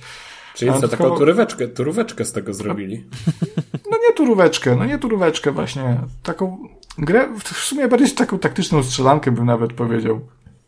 To już jest, jest ba bardzo a, ba nadinterpretacja z mojej strony, ale gdzieś to tam można podciągnąć. E, no i w ogóle fajne jest to, że jeżeli ma się do PlayStation 1 pada z analogiem, a teraz wydaje mi się, że jeżeli ktokolwiek, ktokolwiek gra jeszcze na pierwszym PlayStation, do tego pada z analogiem ma, e, a jak gra na PlayStation 3 czy, to, czy PlayStation 2, to już no, no musowo, no, no nie ma, że nie. E, to jest w ogóle opcja, żeby to sterowanie w menusach dostosować tak, że praktycznie gra się w to, jak w obecne FPS-y, że le lewą gałką chodzimy, prawo się rozglądamy, no to jest w ogóle no coś absolutnie fantastycznego i to nie jest może tak dopracowane jak teraz, ale no ja byłem w szoku, bo, bo tak się pod późniejsze gry na PlayStation czekaj, 2 czekaj. nie pozwalają na tyle opcji. No. Popraw mnie, jeśli się, mu, jeśli się mylę, ale to nie jest zawsze takie gadanie, że to Halo, seria Halo wprowadziła tak te FPS-y na, na, na konsolę i tak dalej, czy mi się coś tak, no, plącze? Nie, nie, tak, tak. Y, czy Halo nie tyle wprowadziło FPS-y na konsolę, bo FPS-y na konsolach były już dużo, dużo wcześniej. Ale chodzi mi e... o ten, ten poziom komfortu grania i tak dalej, że to zostało tak... Wiesz co, wydaje mi się, że Halo to dopracowało do no prawie, że y, perfekcji. Że to już było naprawdę na tyle wygodne i intuicyjne, że pokazało, że te y, FPS-y na konsolach faktycznie mają sens. Mm, chociaż, tak szczerze powiedziawszy, wcześniej y, na PlayStation 1 też, też powstała gra. To się chyba nazywało Alien Resurrection? Jakoś tak? Ja sobie sprawdzę. Nie, to jest film, Boże. E, e, e, Alien vs. Nie, ale, ale tak, Alien Konrad Resurrection na, na PlayStation pier, pierwsze to też była, była gra i to jest, chociaż ona powstała akurat w 2000, jest rok po, po Medal of Honor, ale to była też gra, która wprowadziła to sterowanie, sterowanie na dwóch gałkach, tak jak mamy dzisiaj. Ale już w standardzie i tak w miarę dopracowane jak mamy dzisiaj, bo w Medal of Honor tam jest troszkę um, troszkę koślawiej, nie? To, to, to nie, nie jest aż tak fajne, są, są pewne zgrzyty tutaj. Um, natomiast wciąż, wciąż y, jest to bardzo, bardzo miły dodatek. No co chciałeś zapytać? nie chciałem zapytać, tylko tak jak opowiadałeś o tym sterowaniu i super realistycznym sterowaniu, to miałem taką kolejną wizję, że po prostu rodzice odpalali filmy wojenne, dawali ci niepodmiętego pada w ręce, ty sobie trzymałeś go, siedziałeś przed telewizorem i ale kamera pracuje, jakie sterowanie, jak to wygląda. No ale dobra, to już mniejsza z tym. Szczerze powiedziawszy, e tu zrobię teraz Kacpra. Bardzo fajne, płynne przejście mi zrobiłeś, Kuba. E, bo gdyby, no to jest, mówię jeszcze raz, gra w trakcie II wojny światowej, mianowicie między 44 a 45 rokiem. E, fabularnie wcielamy się w Jimmy'ego Pattersona bodajże, e, gdzie oczywiście mamy nazistów wyzastrzeliwać. E, ale tutaj chcę taki zrobić mały, mały off-top, jeżeli chodzi o tę grę, o, troszkę się oddalić od samej rozgrywki, do niej za chwilę jeszcze wrócę. E, ale cała oprawa tego Medal of Honor, ona jest graficznie, ona jest bardzo prosta i ona jest y, troszkę, no, no już dzisiaj brzydka nawet bardzo bym powiedział. E, niski poziom rysowania, odległość Nie, rysowania. no co ty, gra, gra z 99 roku brzydka dzisiaj? No, no, no. Daj spokój. No zdziwiłby się, ale jednak. Przesadzasz nie? pewnie. Na pewno przesadzasz. No, także jeżeli, jeżeli by mi y, rodzice dali pada niepodpiętego do konsoli, włączyli film wojenny szeregowca Ryana, na przykład też Spielberga, e, to bym się myślę kapnął. Natomiast. Nie no, na jakbym starych był, telewizorach nie ma opcji mówić. Nie, co ty. Jakbym był w drugim pokoju i bym usłyszał, jak mój ojciec gra w pierwsze Medal of Honor, to myślę, że mógłbym pomyśleć, że to jest film, ponieważ e, cała oprawa audio w tej grze to jest coś absolutnie fenomenalnego, na, nawet dzisiaj odgłosy broni, e, okrzyki przeciwników. To jest super.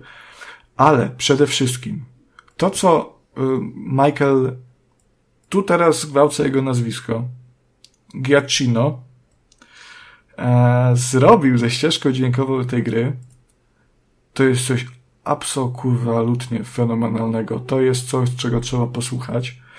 I to jest tak pompatyczna, epicka i filmowa ścieżka dźwiękowa, że grając w to, nawet, że to jest brzydkie, że to jest gameplayowo już przestarzałe, to czujesz się po prostu, jakbyś brał udział tam w lądowaniu na plaży Omaha, której akurat w tej grze nie ma, ale czujesz, czujesz jak ten, jak ten żołnierz, który tam walczy o życie, te wybuchy, tam strzelasz i ta, ta ścieżka dźwiękowa um, przygrywa. To jest naprawdę absolut, coś absolutnie fenomenalnego.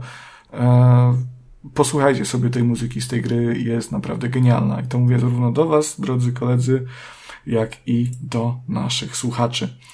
E, jeżeli chodzi o samą rozgrywkę, no to już jasne, no to jest strzelanka, także się strzela, e, jest sporo różnorodnych broni. E, I tutaj akurat w tej, w tej pierwszej części wszędzie chodzimy na piechotę, tu nie ma żadnych tam sekcji z jeżdżeniem samochodzikiem, jakimś czołgiem czy czymś dziwnym, to jest barebone schodzenie i strzelanie. Natomiast ono jest bardzo przyjemne, to, to strzelanie jest wciąż super mięsiste, co jest głównie zasługą tego, że przeciwnicy, kiedy dostaną, no to oni tam się reagują na to w ogóle, nie? No bo to nie jest, nawet dzisiaj nie jest standard, że jak przeciwnik dostanie kulkę, to że jakkolwiek zareagują, oni tam, tam się wyginają, tu ich boli, upadają, gdzieś się łapią za nogę, bo ich, bo, bo ich tam boli, bo tam strzeliłeś im w dupala i ała, ała. E, także tam jest sporo animacji takich i to dodaje może nie tyle realizmu, chociaż kiedyś może faktycznie, ale dodaje bardzo dużo charakteru samej rozgrywce i, i sprawia, że w to się gra mm, naprawdę fenomenalnie. E, sama gra jest dosyć krótka, to jest tak naprawdę, wydaje mi się, że spokojnie to można ukończyć w jakieś 4 godziny. E, natomiast etapy są całkiem różnorodne. Tam są jakieś, jakieś śnieżne misje, chyba gdzieś tam w Norwegii, są e, lasy we Francji. Mm, czego, czego byście sobie nie wyobrazili praktycznie, to, to tutaj jest, jeżeli chodzi o ten zachodni front. A, także mm, osobiście myślę, myślę, że, że warto jak najbardziej e, w to zagrać. Ona, ona jest już troszkę droższa. Wydaje mi się, że ona chodzi w okolicach stówki za kopię, ale nawet dzisiaj warto jest te, w tę grę zagrać. Jest po prostu, no, no zajebista, no, no to co będę wam owijał bawełnę. A jeżeli spodoba wam się pierwszy Medal of Honor, to, to, to też możecie sięgnąć od razu po sequel z kolejnego roku, e, czyli o, po Medal of Honor Underground. On jest pod każdym względem lepszy. E, chociaż dla wielu minusem będzie, że gramy babą, natomiast tam już są e, i bardziej zróżnicowane, jeszcze bardziej zróżnicowane mapy i więcej mechanik i nawet takich Ale czekaj, ciekawszych czekaj, etapów. jak to główną bohaterką jest kobieta? To wtedy tak. już istniały kobiety? Istniały kobiety. Niesamowite, człowiek uczy tak. się całe życie. Manon eee... I nie, I nie było afery w internecie? Nie było. Może ładna Da się tak. Nie wiem. Ja. Pewnie bez brody jeszcze. jeszcze po prostu jeszcze teraz wyciągnęli wnioski, że trzeba robić aferę, wtedy jeszcze nie wiedzieli. No, ale właśnie chyba Underground w ogóle a, gorsze oceny dostał, 86 na 100, ale, ale to też bardzo dobra gra.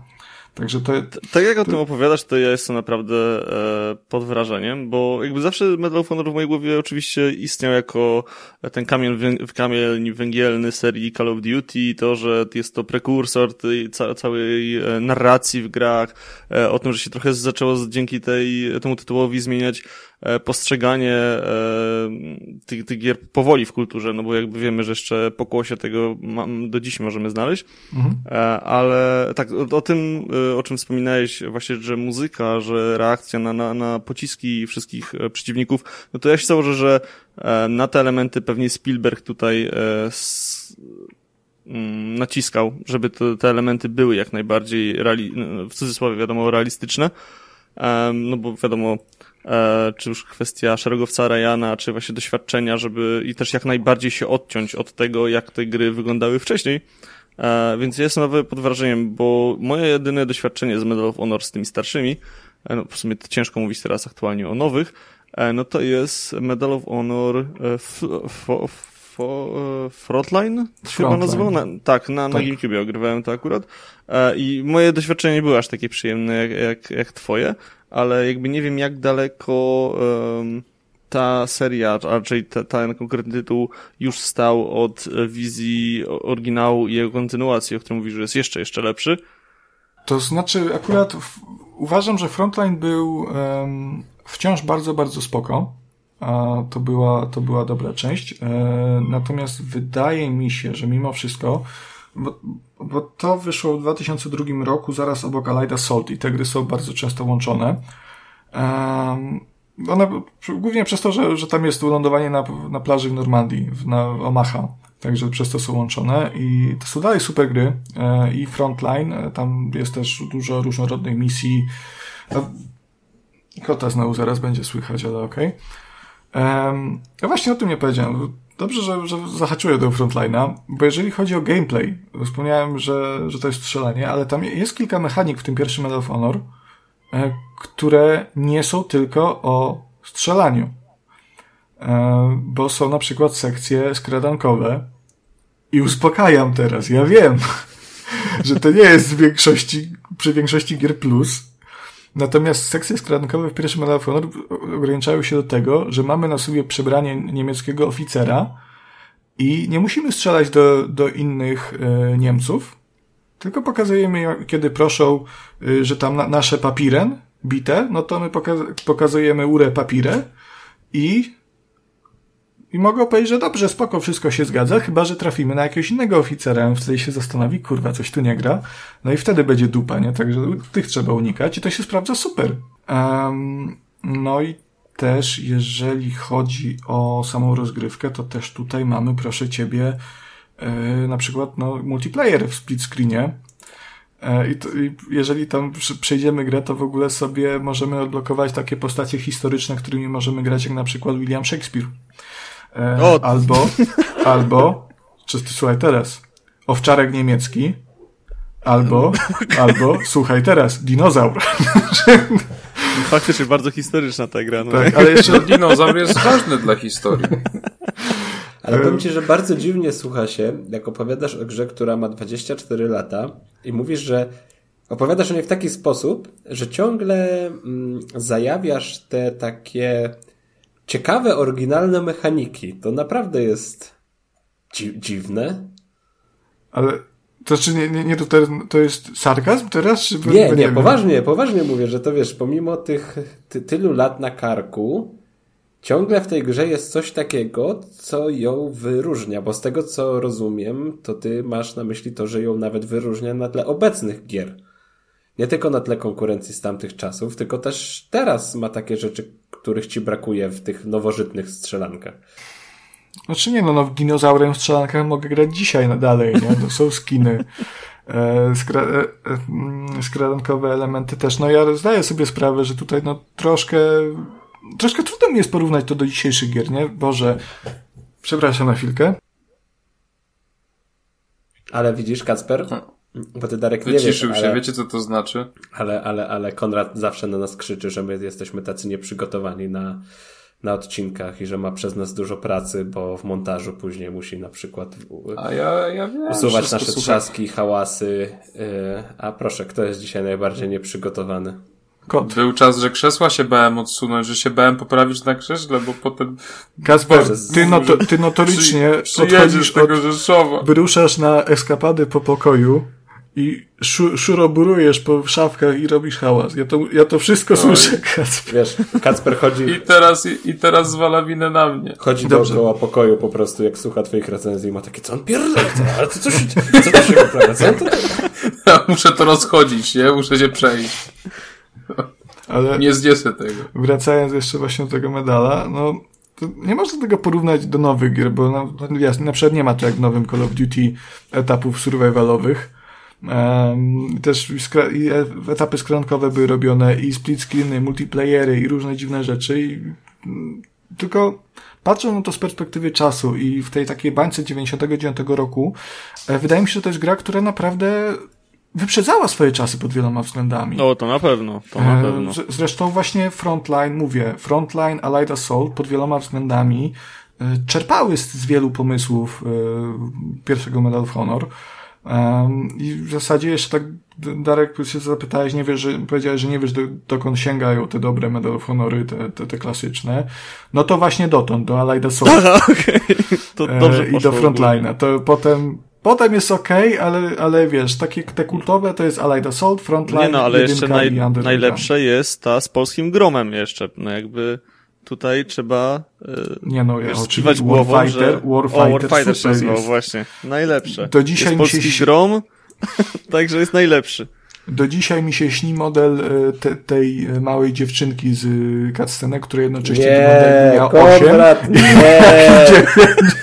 nie.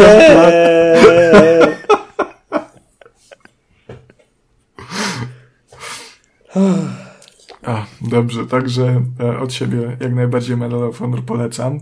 Sprawdźcie, bardzo fajna gra. E, z całkiem też, o właśnie to jeszcze tak tylko na szybko, z całkiem przystępnym e, poziomem trudności, chociaż pod koniec jak bohaterowie, jak wrogowie są wyposażeni w bazuki, które potrafią zone-hitować, to się robi troszkę mniej zbalansowanie, ale wciąż jest bardzo okej.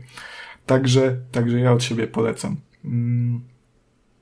Macie jakieś jeszcze pytania? Może coś was nurtuje, czy możemy przejść do gry Darosława? Co zrobiłeś z kotem, że nagle zamilkł? Miałem być żona, żona go wzięła. Żona, właśnie przed, przed chwilą weszła żona z kotkiem Mhm. tak na tym, na, na rękę i robiła tak lu, lu, lu, lu. I kotek był spokojny. Ciekawa opinia.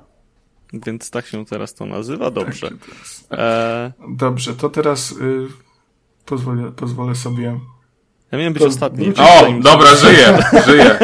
Wrócił. Budził się. Akurat teraz dobrze się Kwiciak odezwałeś, bo mnie posądzają. A jeśli Dobrze. to był tylko tutaj odgłos, bint stworzony? Albo żona udawała, żeby nie było.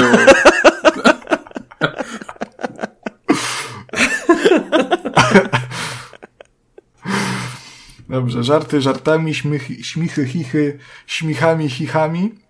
A teraz czeka nas kolejna wyprawa we wspaniały świat muzyki. Tym razem związane z grą Darka. Nie, Posłuchajcie. czekaj, bo ja miałem być ostatni. Czekaj, czekaj. Nawet Kuby. wpisałeś tutaj. Kuby. Kuby. właśnie. Wiedziałem, że tak będzie. Oczywiście miałem Kurczę, a Kubę. myślałem, że zgadnę. Dobrze, to e, jeszcze raz. Muzyka związana z grą Kuby. Start.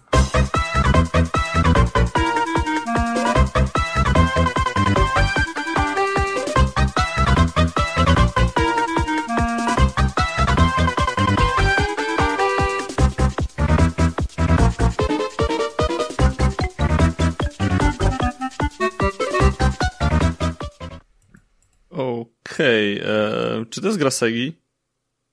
Y, nie. Okej, dobra.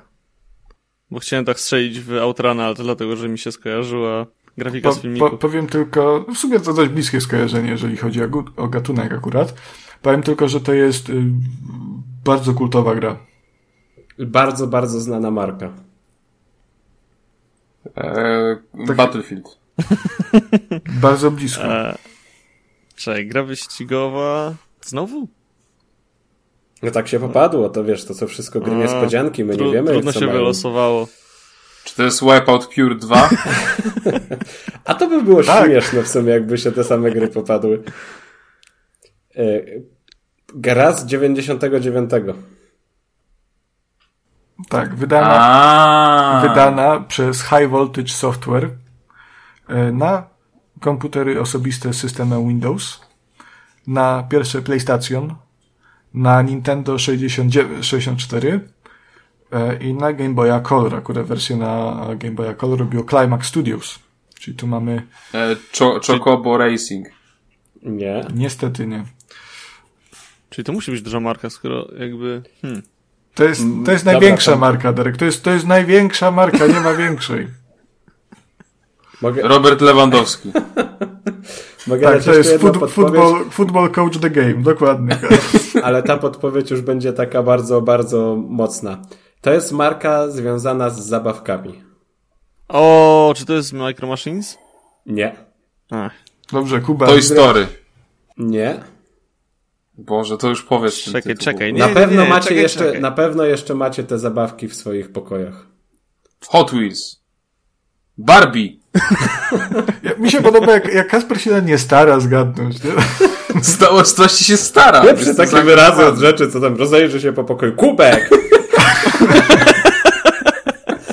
Plakat Lewandowskiego na ścianie wisi. Robert Lewandowski. Czy akurat jeżeli chodzi o Barbie, to zważywszy na to, w co Kuba Smolak gra i o co prosił kody do recenzji, to akurat to nie jest jakieś da, da, bardzo odległe skojarzenie.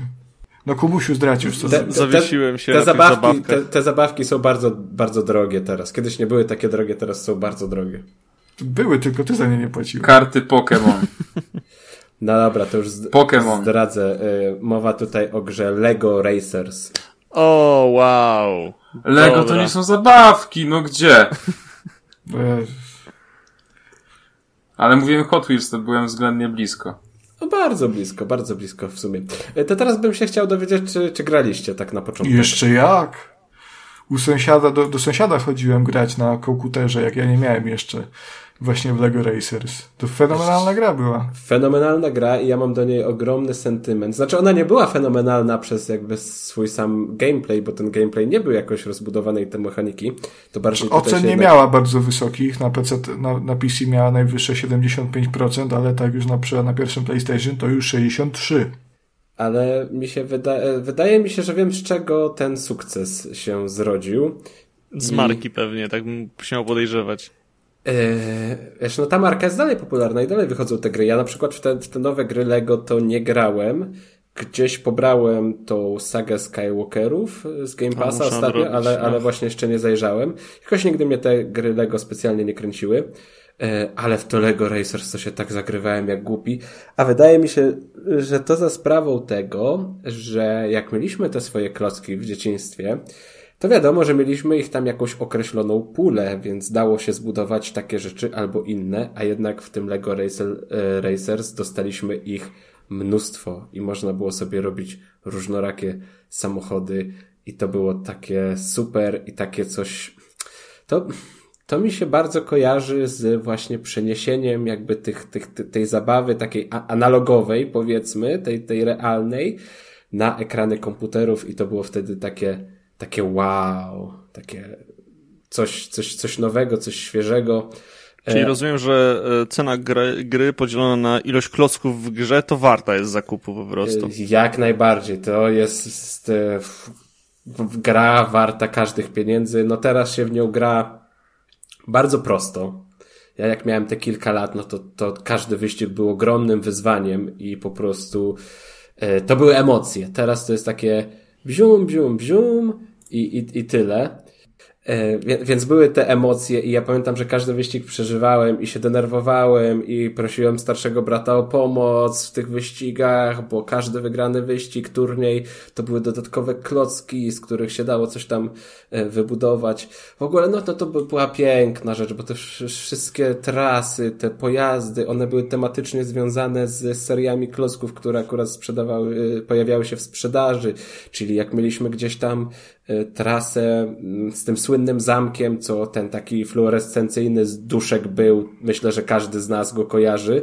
Jeśli ki- kiedykolwiek obcowaliście z marką Lego i on się tam pojawiał, to to było takie wow! Czy e, jacyś piraci, też jakieś słynne Lego z piratami, no to, to, to było zawsze takie wow i można było się popatrzeć na te komplety Lego, których się gdzieś tam w domu e, nie miało. Mm, No teraz ta gra to raczej taka jest bardzo, bardzo prosta, bo jeździmy sobie wyścig za wyścigiem, nie ma tu dużej filozofii. E, oczywiście to jest taka rozgrywka w stylu, e, nie wiem, no, Mario Kart, czyli na trasie zbieramy sobie klocki, które dają nam jakieś tam Taki super... wipeout. Taki wipeout, tak. Możemy teraz porównać do tego. E, zbieramy sobie Trochę jak Final Fantasy VII. i Fallout 3. Zbieramy te klocki, które mają tam swoje określone moce. Tutaj taką ciekawą mechaniką jest, proszę mi dać skończyć, zanim się zaczniecie wtrącać z głupimi żartami, że są klocki, czekaj, są czerwone, niebieskie, żółte, zielone. I teraz te cztery kolory odpowiadają za umiejętności, a są jeszcze klocki białe, które wzmacniają każdą z tych umiejętności. Czyli jak zbierzemy sobie na przykład zielony klocek, to mamy turbo, ale jak zbierzemy sobie zielony klocek i biały klocek, to już wtedy możemy lecieć, a jak zbierzemy zielony klocek i dwa białe klocki, to mamy teleport, który gdzieś nam tam na, na trasie wyrzuca do przodu y, o, o dany odcinek i to jest faktycznie taki boost i zawsze starałem się zdobyć te, te, te, ten teleport. To było tak, to był taki nadrzędny cel każdego wyścigu. No cóż, no co nie wiem, co jeszcze mogę powiedzieć. Konrad, może coś dorzucisz, bo też masz masę. No, właśnie Kasper mi podsunął pytanie. Um, czy Lego Racers jest lepszym JRPG od Fallouta? e, hmm. Tak na, na, skali od Fallouta do Final Fantasy VII, jak dobry Wydaje mi się jednak, że Fallout będzie lepszym lepszym, lepszym JRPG-iem niż Lego Racers. A to ciekawa opinia. To, e, taki hot take, prawda? Kontrowersyjna no, tak, Kontrowersyjna, tak. Myślę, że na tym możemy się wybić, e, jeśli chodzi o odcinki trójkastu, trójkastu retro. Mm. Zastanawiam mnie tylko te, te jedna rzecz. Bo teraz jak sobie wpiszesz w Google'a Lego Racers, to wyskakują linki do stronek, z których możesz tę grę pobrać. I to nie są jakieś takie szemrane stronki. Mm, czy to jest w jakikolwiek sposób legalne w dzisiejszych czasach? Nie wiem, choć się domyślam. Znaczy, tak na przykład patrzę, jest stronka mówisz o dobre programy? E, na, na, dobre programy to jest chyba demko, wiesz? Demo, tak. Tak, ale są na przykład 16bit.pl, a to jest jakaś legitna strona? Bo tak szczerze Nie tak wiem, powiem, czy to jest no... legitna strona. No tak nie wygląda zbyt legitnie. Ja zakładałbym, że nie. nie, nie Też bym tak zakładał. Chyba. Tylko no, patrzyłem, w sklepie GOG na przykład nie ma, bo jeżeli miałbym gdziekolwiek szukać tej gry, to, to tam bym szukał. Na Allegro też nie widziałem płytek z Lego Racers, więc nie wiem, jakie są aktualnie e, możliwe drogi do ogrania tej gry. Chyba 16bit.pl, chociaż tu nie było powiedzieć tak naprawdę. Gry na konsolę, patrzymy. Jest Lego Racing. Mogę też się taty zapytać.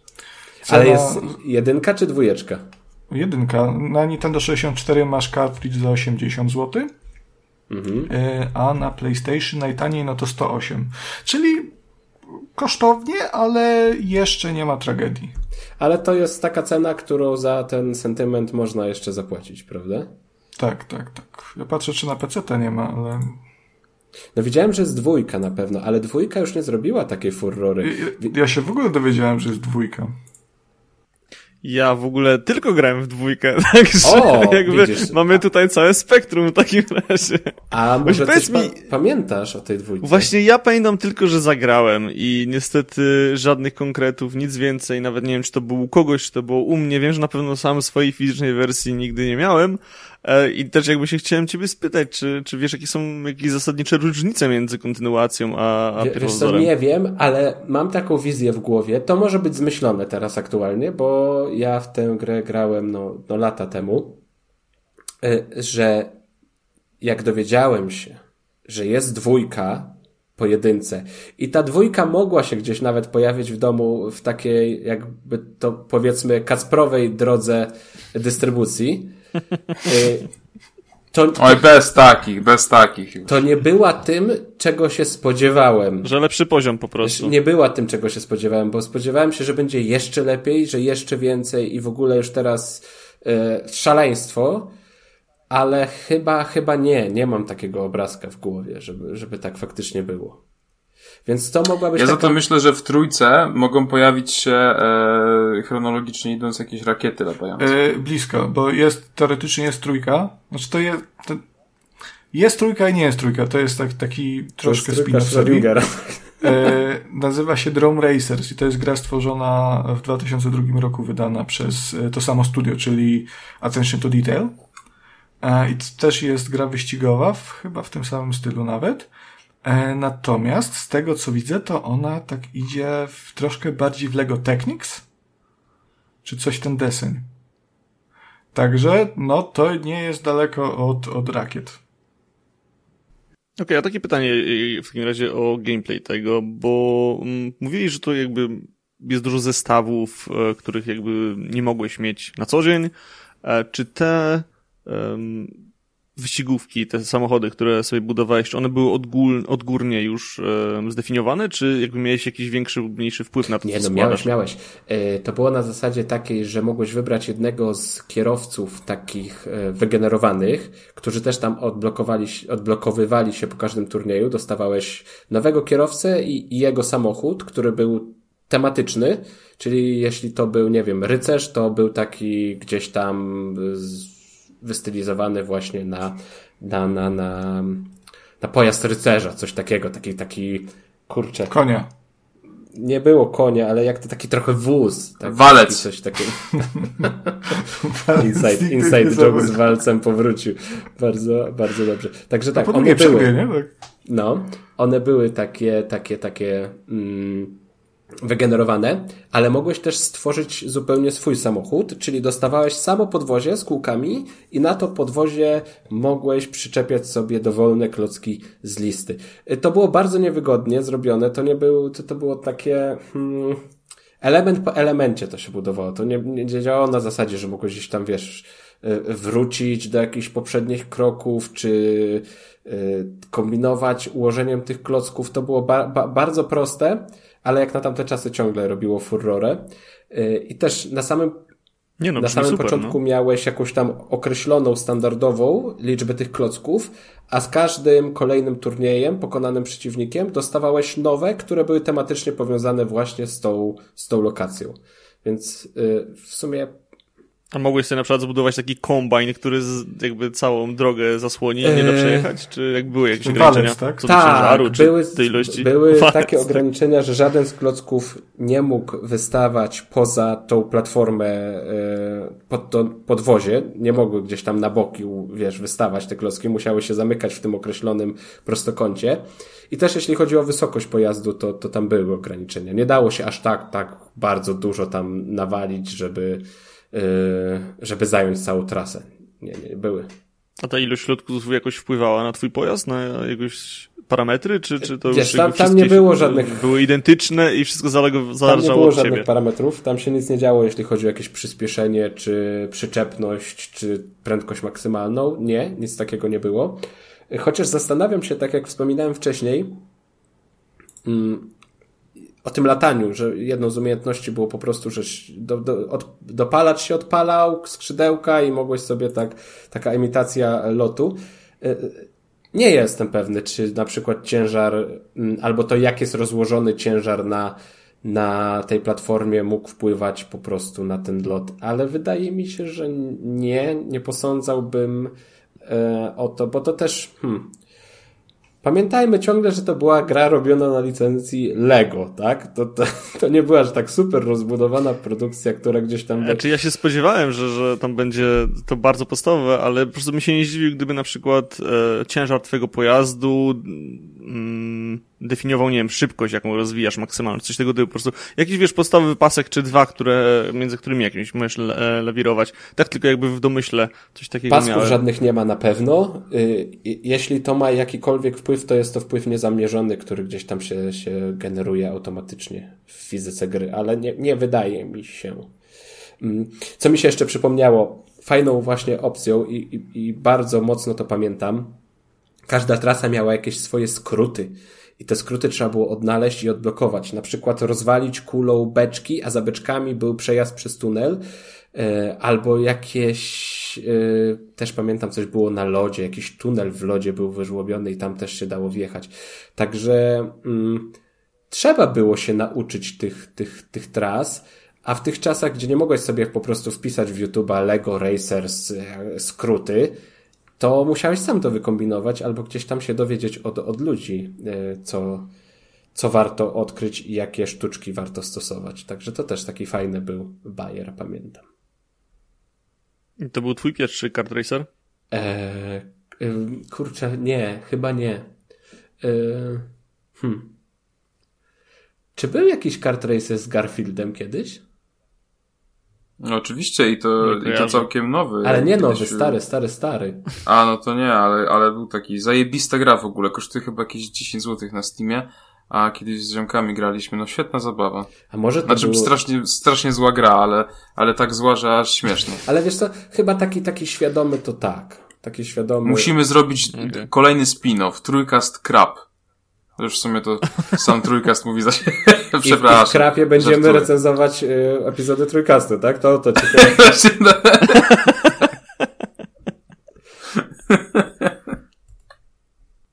Więc, więc kurczę, chyba tyle na temat Lego Racers.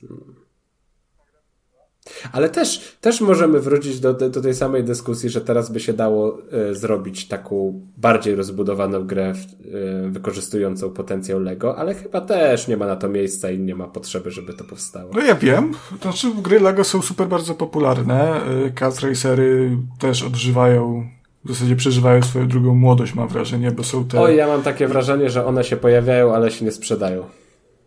Myślisz? No, też mam takie wrażenie, że jeśli coś nie ma w logo Mario Kart, to raczej ciężko do tego podejść. Chociaż jakby Soniki się dalej bronią, są nawet trzy części tego przecież od o Sega All Star Racing, potem Sonic Transform i teraz e, Team Racing to się chyba nazywa. Także oni tam coś tam próbują, ale wydaje mi się, że jak wyjdzie Kart Racer, to nie ma aż takiego przebicia niestety. Ciekawa opinia. Czy możecie poprzeć ją jakimiś statystykami? E, nie, Znaczy nie, nie, nie, czekaj, czekaj, po ilości czekaj, Kart Racerów, które wychodzą. wcale nieprawda. E, Kacper, jaka gra? Eee, Garfield Kart Racing. Dobrze. E, Konrad, grałeś? Nie. Nie. Darek, grałeś? Ja nie Niestety. grałem. Kacper? No oczywiście, że grałem, jeśli się pytasz. No to mamy poziom na, sprzedaż na poziomie 25%. To... Tak to, wyliczy... Ej, tak fajnie to to wyliczyłem. wyliczyłem. To jest dobre na, na jakąś rozmowę rekrutacyjną. Powiedzieć to tak pewny siebie, że ci uwierzyłem nawet, nie? Nie mogłeś tak? W ostatnim odcinku, jak szukałem liczby sprzedanych kopii tam jakiegoś, nie wiem, wampira, żebyś się zapytał wszystkich mnie, Szymona, Kacpra, czy kupiliśmy i by wyszło, że no to jedna kopia sprzedana. A, ale teraz widzisz, Kacper, możemy to odwrócić i ja ci powiem, że co czwarty, co czwarty Polak zagrał w Garfield Kart Racer, czy jakkolwiek się to nazywało. No tutaj bym akurat Kurde, polemi polemizował, powiem ci szczerze. Znaczy, wiesz czemu ja się pytam, bo em, ogólnie ja bardzo lubię kart racery i jakby niestety jak patrzę na e, rzeczy, które przychodzą, które są zapowiadane, no to ostatecznie one są zapowiadane i zaraz przy premierze o nich jest cisza, tak? Więc jakby stąd jest mój wniosek. Um, ostatnie chyba w co się tak totalnie zagrywałem, to też nie było dobrą grą, to było jakieś e, F1 kart racing czy coś tego typu, że wzięli po prostu wizerunki um, Oni te głowy mieli tych rajdowców z Formuły Pierwszej. Tak, tak, tak. I mi się w to grało przecudownie. Mimo tego, że ta gra jakby no, odstaje strasznie, nawet jeśli weźmiemy słabe gry z tego, z, z tego gatunku. E, więc jakby stąd są moje To przypuszczenia było po prostu. kochanienki F1 Race Stars z 2012 roku O, i dziękuję. to robiło Codemasters. To mi się Mm. teraz przypomniało, jakiś czas temu grałem i recenzowałem, to jest gra z 2018, więc pewnie właśnie wtedy. To już nie All. Star Fruit Racing. Tam się wszystko opierało na co? owocach. All Star Fruit I Racing. tak nic nie pobije Tunkara. Dziękuję i zamykamy dyskusję. Kurtyna. Ej, ale to wygląda fajnie w sumie. E, Znaczy, wiesz co, ja to też brałem, chyba to na Switchu miałem. E, Brałem to do pracy i dawałem dzieciom grać po prostu. Ty, to na VR jest, ale to na, e, to na googlowskiego. To nie, to nie. Fruit Racer to się nazywało? Mhm. All Star E, Fruit Racing, Racing. Racing. All Star Fruit Racing. Dobrze. Wspaniała gra. Miło ją wspominam, chociaż w sumie ja to osobiście tak pamiętam 3 po 3. E, także znowu Darek nie zawiódł. Darek to jest w ogóle kradnie ten odcinek. E, we wszystko Darek grał, mam wrażenie. Nie, jakby większość o czym mówimy, to nie. to Statystycznie mam jakąś tam grałeś styczność. 66% A, statystycznie grałem wszystko. No nie, przepraszam, możemy 75, tak jeszcze twoja, nie? E, to może do niej przejdźmy. Zróbmy sobie takie kacprowe, płynne przejście e, i przejdźmy sobie do twojej gry. Mm. I teraz tak, bo tu też od razu taka mała podpowiedź. Ta gra ma dwa tytuły. oficjalne. W sumie nawet trzy. E, włącznie z tą wersją, w którą grał Darosław, jak rozumiem. Także, którego tytułu nie, nie, nie podacie, to powiedzmy sobie, że będzie. Ważne, E, ważne, że no to, to- zaznaczyłeś. Bo... Natomiast, szczerze powiem, jeżeli zgadniecie po, po, te, po tej muzyce, co to jest, to szapoba. Powodzenia, panowie. Posłuchajcie.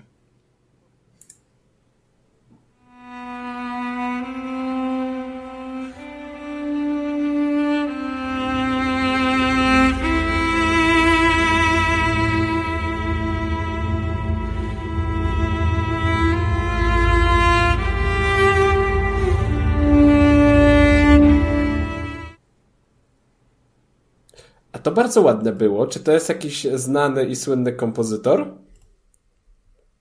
A wiesz, że nie wiem? To jest okropne, ale jeśli chodzi o muzykę, to nie mam pojęcia, jak to... Nie No, ale to takie e, rytm, rytmy troszeczkę Jana Sebastiana Bacha, nie sądzicie? Ta, tak, tak, tak, tak. Takie były.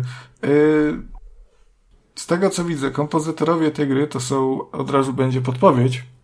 Angelo Nie, no tak. Bandalementi, Normand Corbeil i Farid Raslan. Kurde, całe szczęście znam wszystkie gry, które kompozował Angelo Kimparamenti i, i już wiem.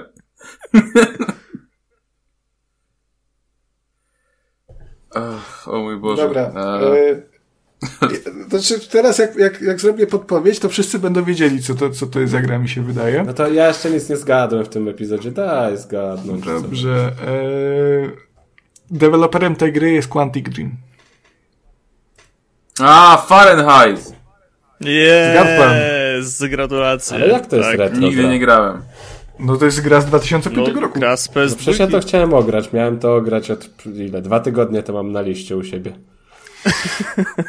No wiesz, są nowe wersje na PS4 wyszły W czas temu, 2016. No. Ale, no niestety. No, Na Androidzie jest. ale oryginalnie, oryginalnie 2005 rok na PS2 i jeszcze tam masie innych konsoliek później. Jak ja pamiętam okładkę tej gry, że to dopiero co wyszło. O, właśnie ta okładka jest fantastyczna. To jest niesamowite.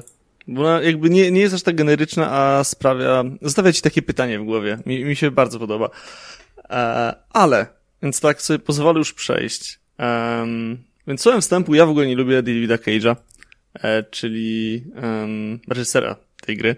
E, za bardzo mnie nigdy nie mogły porwać, czy to Heavy Rain, czy to Beyond e, Two Souls.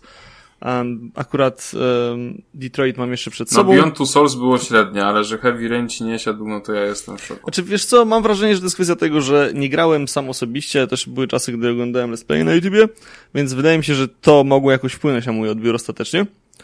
E, Ale Fahrenheit zawsze mnie interesował, przynajmniej od momentu, w którym się o nim dowiedziałem. E, I co jest niesamowite, e, chwyciła mnie od pierwszego, od, od pierwszych chwil, bo tak naprawdę nie jest to standardowy przykład, tak. Jeśli ktoś nie wie, no to oczywiście Quantum Dream jest tutaj deweloperem, który stara się tą narrację, którą już wspominaliśmy w, przy okazji Medal of Honor, e, tak, e, wznieść troszkę dalej, dlatego te gry są coraz bardziej filmowe em, i Fahrenheit jakby jest e, początkiem tego wszystkiego. E, oczywiście jeszcze byśmy mogli popatrzeć na wcześniejszą grę dewelopera. No, Omikron to ale, nie jest ten e, sam to, ta, no ale Omikron jeszcze, no właśnie, nie było, e, nie było tym samym poziomem, tak? Właśnie Fahrenheit e, jest pierwszą tego typu grą, gdzie sterowanie jest dosyć spokojne, gdzie interakcja z każdym przedmiotem jest e, okraszona zmianą kamery wielką, e, całą po prostu narracją, te, te wszystkie przedmioty po coś są. Ale właśnie, ale do czego ja dążę? Do tego, że po pierwsze, głównym bohaterem jest zabójca, który z jakiegoś powodu, nie wie, sam nie wie czemu zabił po prostu. Dostajemy e, informację, gdzie wychodzi z toalety, ma w ręce nóż i mamy przebitki em, na zmianę z toaletą i z jakimś przepraszam. panem, który stoi przy Wracamy do Ghost Wire Tokyo. Nasrane. Eee, tak, ale pomijając te cudowne skojarzenia, pomijając właśnie to, to cudowne skojarzenie, E, no to właśnie gdy nasz bohater e, ocknie się z tego swojego transu, no to orientuje się, że, że ma zakrawione zwłoki przed sobą, e, nóż w ręce i jest, no i jest chyba w jakiejś kawiarni czy coś, więc jakby pierwsze co jakby robi człowiek w takiej sytuacji, tak słyszałem przynajmniej, to sprząta i zaciera za sobą ślady, więc musimy też jakby wiedzieć metod prób i błędów, oczywiście też um, próbując interakcji z różnymi przedmiotami, czy to umyć ręce, czy to właśnie schować nóż, czy go wyrzucić, czy właśnie zwłoki odstawić w jakiś sposób. Możemy wejść w interakcję z y, jakąś tam miotełką, żeby, a raczej mopem, żeby tą, tą krew jakoś zmyć. E, no i jak się okazuje, jakby nie mamy na to nieskończoną ilość czasu, e, no bo jakby w toalety też przychodzą ludzie, a jak dostajemy informację, jest to, do, do, do toalety zbliża się policjant. E, więc jakby tak musimy też uciec tak, żeby nie zwrócić na siebie uwagę, więc na przykład fajnie byłoby zapłacić za jedzenie, które tam zosta zostawiliśmy przy za sobą, e, albo może wyjść innym wyjściem, jeśli je znajdziemy, także tak naprawdę, jeśli czym więcej gramy, tym też jakby tych opcji znamy więcej, ale jaki tu jest plot twist, no bo w sumie to nie jest najważniejsze, bo jakby zdarza się, ludzie giną. Nie, no pewnie e, Dostajemy się. też Ale pamiętaj, pamiętaj Darek, jeśli nie e. czujesz się winny, to znaczy, że nie jesteś winny. To...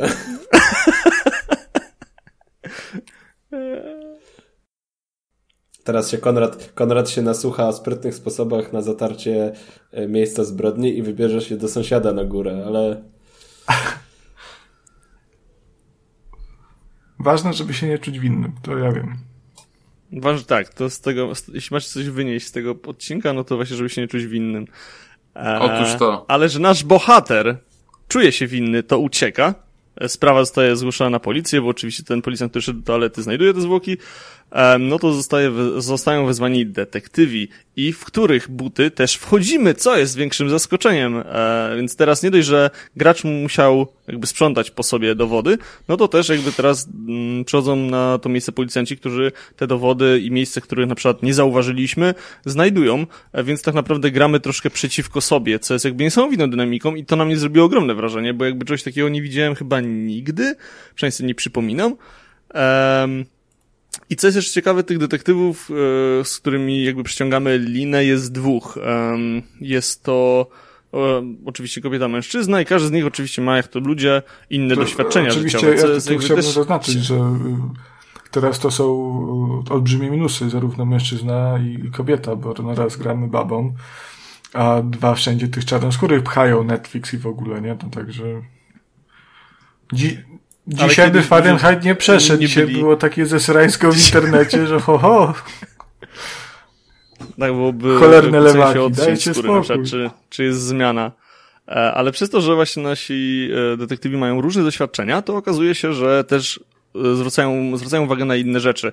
Gdy podejdziemy do jednego, mm, jednego miejsca, no to oczywiście E, nasz już niestety nie pamiętam e, ich imion, więc nasz mężczyzna zauważy e, jak coś tam e, wysmarowanego na, e, na, na, na ścianie do toalety, co jeszcze znowu źle brzmi.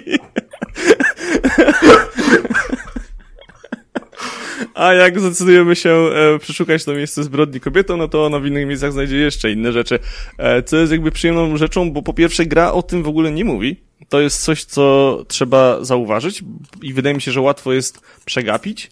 E, ja to zauważyłem dopiero, gdy chciałem jakby już odejść z miejsca zbrodni i ciągle mnie postać zatrzymywała, mówiąc, hmm, czy na pewno, e, na pewno wszystko znalazłaś, ej, czy na pewno to tutaj coś, e, czy na pewno A bardzo lubię wszystko. tego typu Więc ja nie wiem o co chodzi.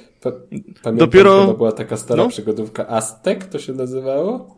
I tam było na takiej zasadzie, wiesz, to wytłumaczone, że gdzieś tam zwiedzasz hmm, czy znalazłeś już wszystko? I masz takie, no nie, szukam dalej. A może coś jest tam po prawo? Szukasz po prawo i nic nie ma. A może coś jest za, za tą kotarką? I, wiesz, dopóki tego nie znajdziesz, A to, to nie, to nie wiesz. dalej i ci tak w pewnym momencie to... już dosadnie powie, gdzie jest e, dana rzecz schowana. No to właśnie w Fahrenheit tak nie ma, e, bo jak się okazuje, w grze jakby jest E, masz kilka wyborów i oczywiście to się wszystko rozgałęzia, jak to w grach Quantic Dream e, możemy już być przyzwyczajeni, e, więc możesz ominąć pewne rzeczy, przez to nie dostaniesz niektórych scenek niektórych poziomów, albo po prostu nie będziesz w stanie rozwiązać zagadki o morderstwo, bo coś tam po prostu ci e, przeleciało, więc to nie jest aż tak zero-jedynkowe, no ale niestety, no, pamiętajmy, jest to gra 2005 roku, więc te e, czasem ściany się da natrafić. Um, I mimo tego, że możemy właśnie tutaj snuć e, opowieść, jak ta gra się, roz, e, jak ta historia się rozgałęzia i ile tu jest wątków, no to no niestety e, jest moment, nawet kilka takich momentów, w którym po prostu jak coś się stanie, to widzisz koniec gry i jest sczytywany save, więc niestety nie jest to aż tak e, nieskończone pole możliwości, jak już próbowali zrobić w następnej grze, czyli właśnie w Heavy Rainie, gdzie nawet jak tam e, zginie główny bohater, to gra toczy się dalej, o ile dobrze pamiętam. E, więc tak, na mnie ten Fahrenheit zrobił niesamowite wrażenie, przynajmniej na początku. E, bo niestety, czym dalej, Tym dziwniej. e, ta gra może, no, tym dziwniej. Właśnie to, to jest to chyba, czego szukałem, e, a raczej jakiego słowa szukałem, bo no niestety em, Potem Gra się pojawiają elementy- te rakiety latające, tak? to, właśnie ta gra się zamienia w Matrixa, to ja jest myślę, problem. że wiesz co, że rakiety E, latające... chyba analogiczna sytuacja Matrixa, mogła być. To jest, to jest najmniejszy problem, to jest najmniejsza kontrowersja, bo tam się pojawiają y, astralne wszy. Tak, które potem znikają i, i w sumie nie wiadomo też do końca, co miały na celu. I Zjeść astralne cię, no co? postacie, właśnie, no czy no tak, ale jakby one nie mają Potem nie masz wyjaśnienia, skąd one się tak naprawdę wzięły. Niby masz informację, że postać ci po prostu wpada w depresję, bo oczywiście każda z postaci ma jakby poziom e, swojego, e, swojej kondycji psychicznej. E, No i czym gorzej, tym niby jest gorzej. Nigdy mi się w grze nie udało doprowadzić do takiego poziomu, że było bardzo źle, ale jak wiemy, jesteśmy bardzo doświadczonym graczem, więc jakby to się nie mogło stać, e, więc po prostu nie wiem, ale jakby są właśnie takie sceny fabularne, jak właśnie mówisz o tych, o tych astralnych wszak, które po prostu się dzieją i później nie, nie jest w ogóle wyjaśnione, skąd one się, się tak naprawdę wzięły.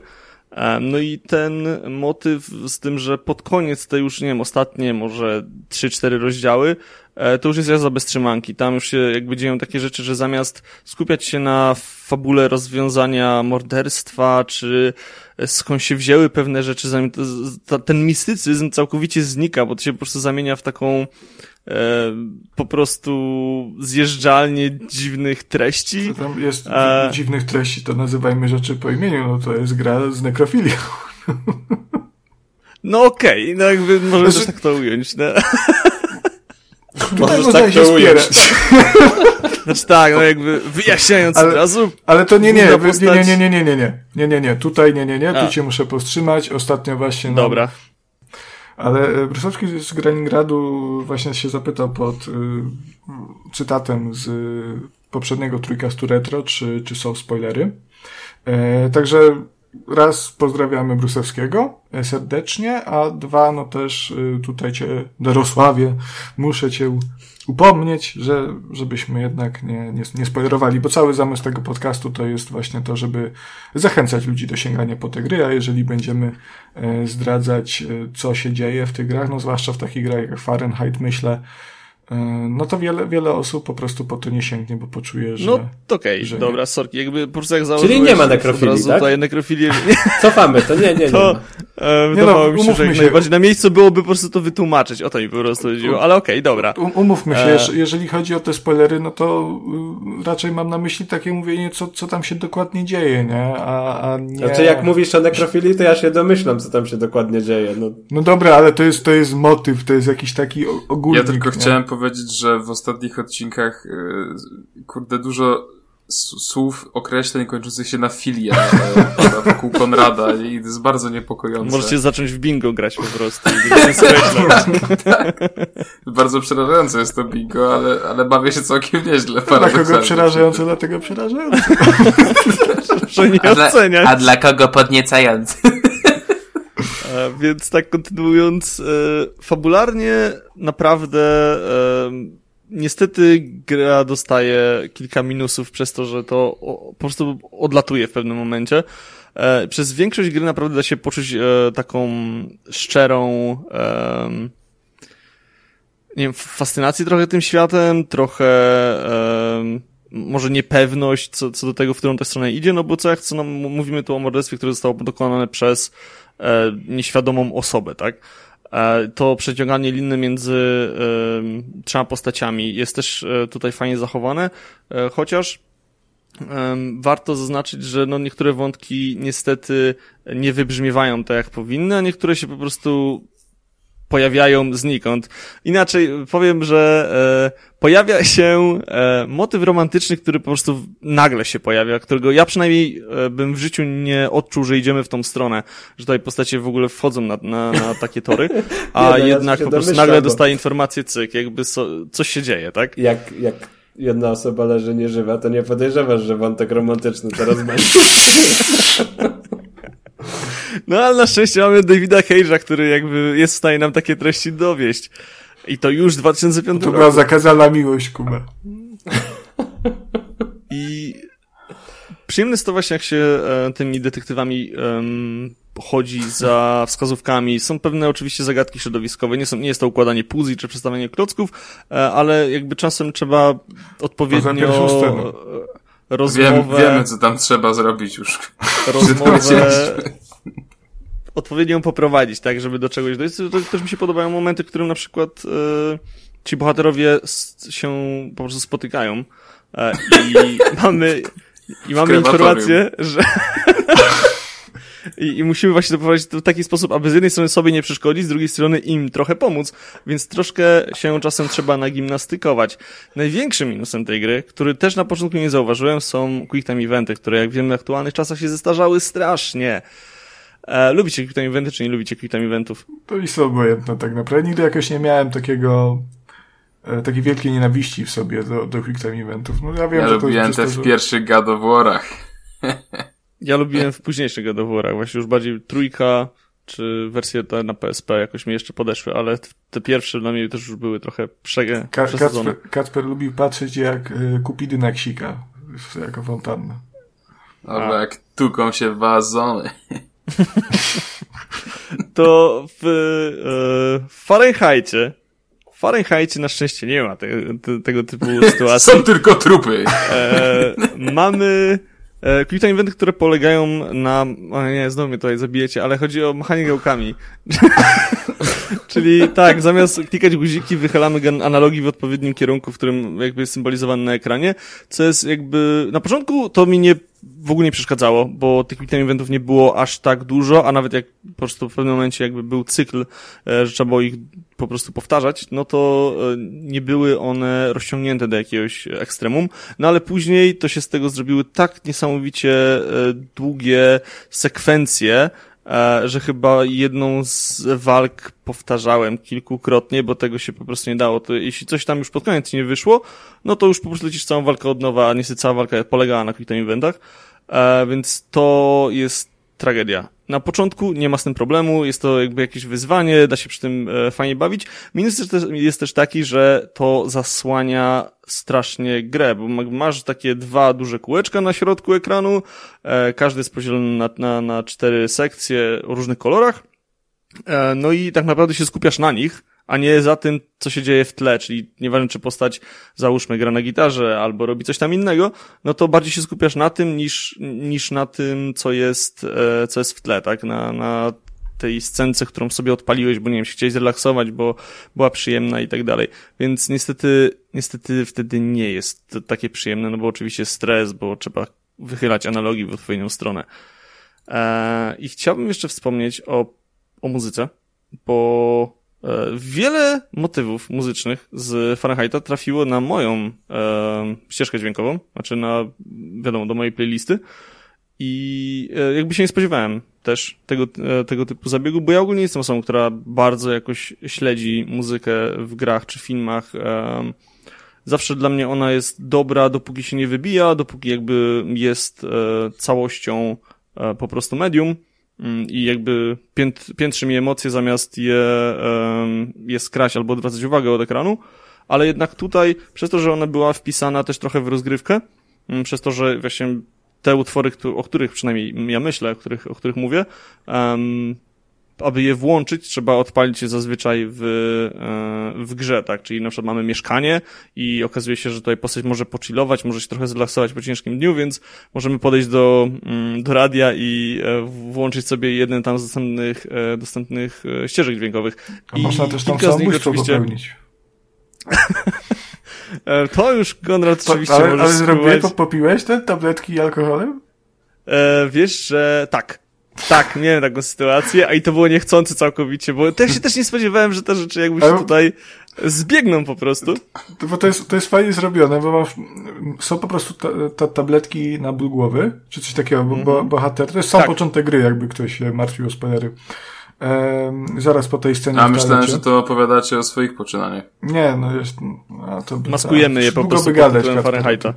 E, ale właśnie to jest fajnie zrobione, bo, bo to nie jest tak, że masz obok siebie te alkohol i to, tylko masz przy e, łóżku chyba masz leki i bohater mówi, że go boli głowa, także no bierzesz sobie te e, tabletki i gdzieś tam w, chyba w kuchni czy, czy w salonie stoi butelka whisky, można sobie golnąć, nie? Właśnie nie do końca to tak działa. Ta, ta butelka jest schowana w szafce, więc ja jak przeglądałem szafki, to ją wyciągnąłem i chciałem ją schować z powrotem. Aha, ale nie było takiej opcji. Tak, i on sobie golnął wtedy. No, ale, ale mi eee, chodzi więc... o to, że, że to nie, nie jest, wiesz, nie jest kliknij X, żeby popełnić samobójstwo, nie? Tylko trzeba się jednak natrudzić, jakkolwiek by to nie brzmiało. Tak, ale najlepsze jest to, że postać ci mówi, że o, żebym teraz nie, nie pił alkoholu, coś tego typu. Tam było rzucone w ogóle to wprost. No ale czekajcie, to jest e, na zasadzie, że jest jedna tabletka alkoholu i to jest samobójstwo? Że już jest nieżywy, czy... czy, czy... On tam ich bierze kilka. Aha, no to, to wiadomo, że to jest troszkę przerysowane, ale... Tak, ale po prostu on tam mówi, że o tak, tak, doszło do mojego końca, pomieszałem to z tym i się skończyło. E, oczywiście też sięganie po przedmioty jest w ogóle mega ciekawie zrobione, bo to nie jest podchodzenie do szafki na naciśnij X, żeby wysunąć, tylko e, ponownie na analogach wykonuje się pewne gesty, które mają symbolizować interakcję ze światem, czyli jak otwierasz szafkę, no to masz tą, tą gałkę pociągnięcie w swoją stronę, jak ją zamykasz, to wychylenie w drugą. To samo z drzwiami, czy tam w ogóle, jeśli wiadomo jest wspinaczka, to też e, jest to odpowiedni symbol, który trzeba, który trzeba wykonać po prostu. To już I, zostało potem w grach Cage'a też. Tak, tak, to zostało i wydaje mi się, że to zostało po prostu dopracowane tak, jeszcze, bo tak, w Fahrenheitie tak. jest to bardzo takie zero-jedynkowe, chociaż w, z tego co kojarzę w Heavy Rainie masz po prostu symbole, które masz jakby wykonać. Yy, a, nie do końca, nie, tam, nie tam, tam, masz, tam masz też no, przyciśnij L1, przyciśnij R1, ale też trzeba niektóre przyciski przytrzymać przez jakiś czas, obrócić pada, w, no bo to już był Six Axis, mhm. i żyroskopy, obrócić pada w odpowiedni sposób, e, gałką przesunąć w odpowiednią stronę. E, także tam, tam jest, jest sporo się dzieje. To nie jest tak, że, że to jest tylko przyciskanie, czy, czy te, te, też takie jakieś proste. Mm, jest bardzo fajnie to zrobione i, i od, od Heavy Raina to już w zasadzie moim zdaniem to sterowanie było już perfekcyjne. No to jakby tutaj sam początek tego można zobaczyć, jak to powstawało, jak ten koncept się rodził. Um, jeszcze z takich ostatnich rzeczy, o której bym chciał wspomnieć, to jest um, to są segmenty skradankowe, o których już dzisiaj gdzieś tam nam się przewinęło w rozmowie. Lego Racers. Bo w Heavy Rainie są, jest chyba kilka segmentów skradankowych, które są wykonane okropnie. Oje, one straszne były. One są tragiczne po prostu i niby widzisz na mapie stożki ludzi, którzy których masz unikać, ale czasem jest tak, że nie wiem, kto mnie w ogóle zauważył. Czasem kwestia była taka, że nie do końca wiedziałem, gdzie iść, więc e, no, było to okropne. Chyba najgorzej wspominam ten w nocy, e, który gdzieś tam się dzieje, gdzie tam się z bratem ucieka. To już tam wtedy, jak zagracie, będziecie wiedzieć. E, to z tym chyba miałem też jakiś największy problem. No i to też narracyjnie w wielu momentach niestety się nie składało. Fahrenheit na początku buduje niesamowitą wizję tego, jaka przygoda się dzieje na ekranie, a potem no niestety nie, nie dźwiga tego, tak? To jest problem Fahrenheita. Mimo to, jak gra mi się podoba, mi się w nią niesamowicie dobrze grało, bo się mogłem wciągnąć, no to po prostu, gdyby się skończyła zupełnie w inny sposób, to była, wydaje mi się, że o wiele, wiele lepsza. Ja I... też od siebie powiem, że, że jeżeli chodzi o ten mm, zwrot fabularny w zupełnie innym kierunku, ja nie uważam, żeby to był jakiś taki bardzo duży minus. Um, bo wiele głosów było takich, że to jest w ogóle, że Fahrenheit to tylko do pierwszej połowy i potem w ogóle nie warto w to grać. A ja uważam, że, że jak najbardziej warto. To jest, tylko trzeba się nastawić, że, że to nie jest y, stricte taka de detektywistyczna historia, jak zapowiada to ten początek, bo to był ten problem, nie? że nic nie zapowiadało tego, że to pójdzie y, w dość mocną fantastykę.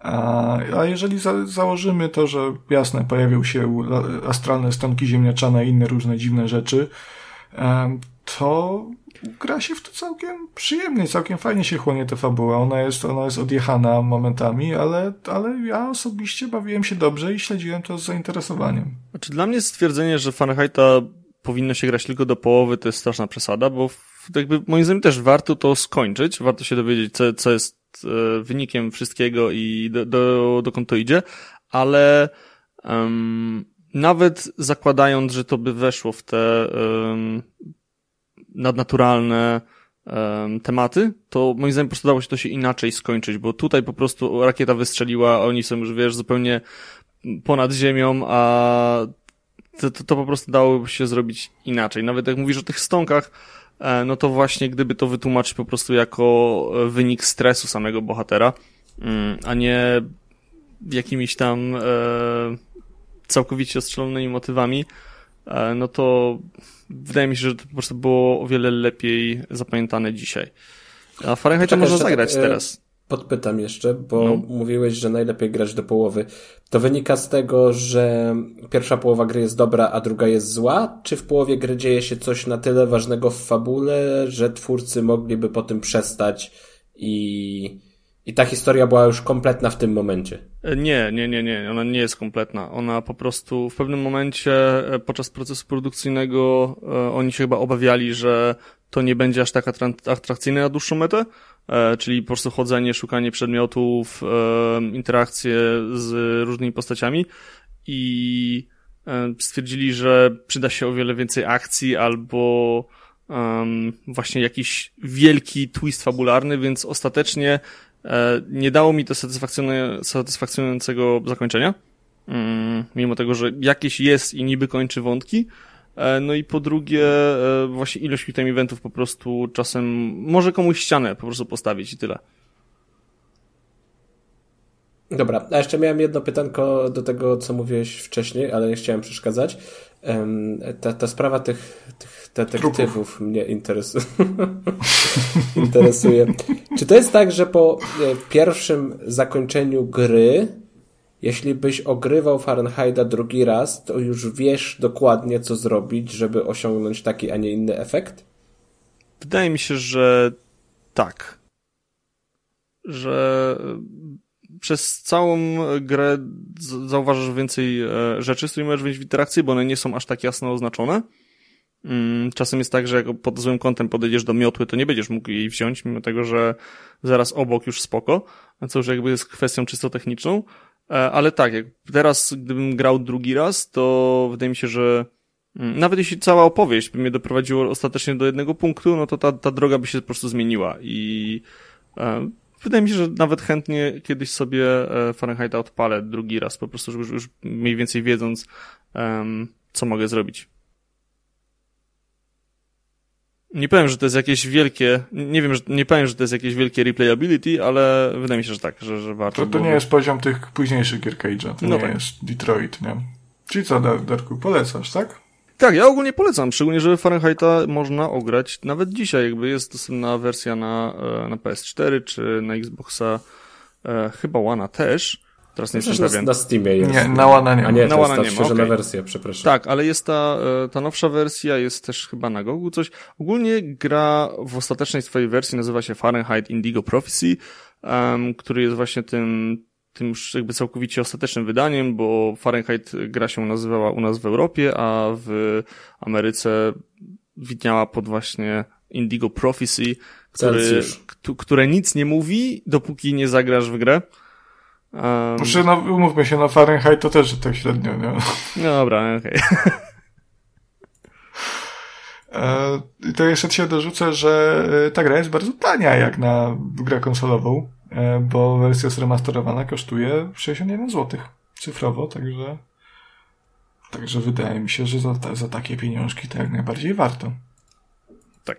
Ja na no, słuchaj. miałem tę przyjemność grania w wersji na PS2, więc e, wydaje mi się, że nawet e, po czasie, gdybym już miał polecać, to mm, radziłbym się sięgnąć po po prostu te wersje odświeżone, mm, bo jest to trochę bardziej czytelne. No nie ukrywajmy, ten motion capture i te wcześniejsze modele e, no nie wyglądają aż tak dobrze, jakby mogły po prostu dzisiaj. Muszę sprawdzić ciekawości cenę tej gry na PlayStation 2. Ona rośnie. Czy to jest Ona jakaś opłacalność? Na Xboxa jest tego oryginalnego w miarę tanio, bo za 50 zł. Więc Słuchacze, to jest ostatni moment, kiedy możecie wyrwać to w takiej cenie. Znaczy, wiesz co, Inwestycja. ja, Inwestuj ja, z ja, wiem, ja wiem, że... Czekaj, to jest jakaś za 700 zł Fahrenheit. Edycja na 15 rocznicę. Jezus, na PS4. E, wiesz co, jak... Nówka e, sztuka, to jakaś edycja specjalna. Ale e, tak jeszcze wracając do tego, co Kacper powiedział, że to ja, ja wiem, że to podśmiechujki, że no, tu trójkast po, powiedział, że jest tanio i wszyscy wykupią. Natomiast no poniekąd tak się teraz dzieje nie ze względu na nas, tylko ze względu na to, jak wygląda rynek gier retro, że te gry już z PlayStation 2 i z Xboxa 360, no, o tym też mówiliśmy w ostatnim odcinku, a powoli pną się ku górze i no już na przykład te z szóstej generacji osiągają coraz to bardziej zawrotne ceny. Mm, Także jeżeli ktoś chce wejść tak w miarę tanio w retro, jeszcze w okolicach szóstej generacji, no to to jest myślę ten um, ostatni dzwonek.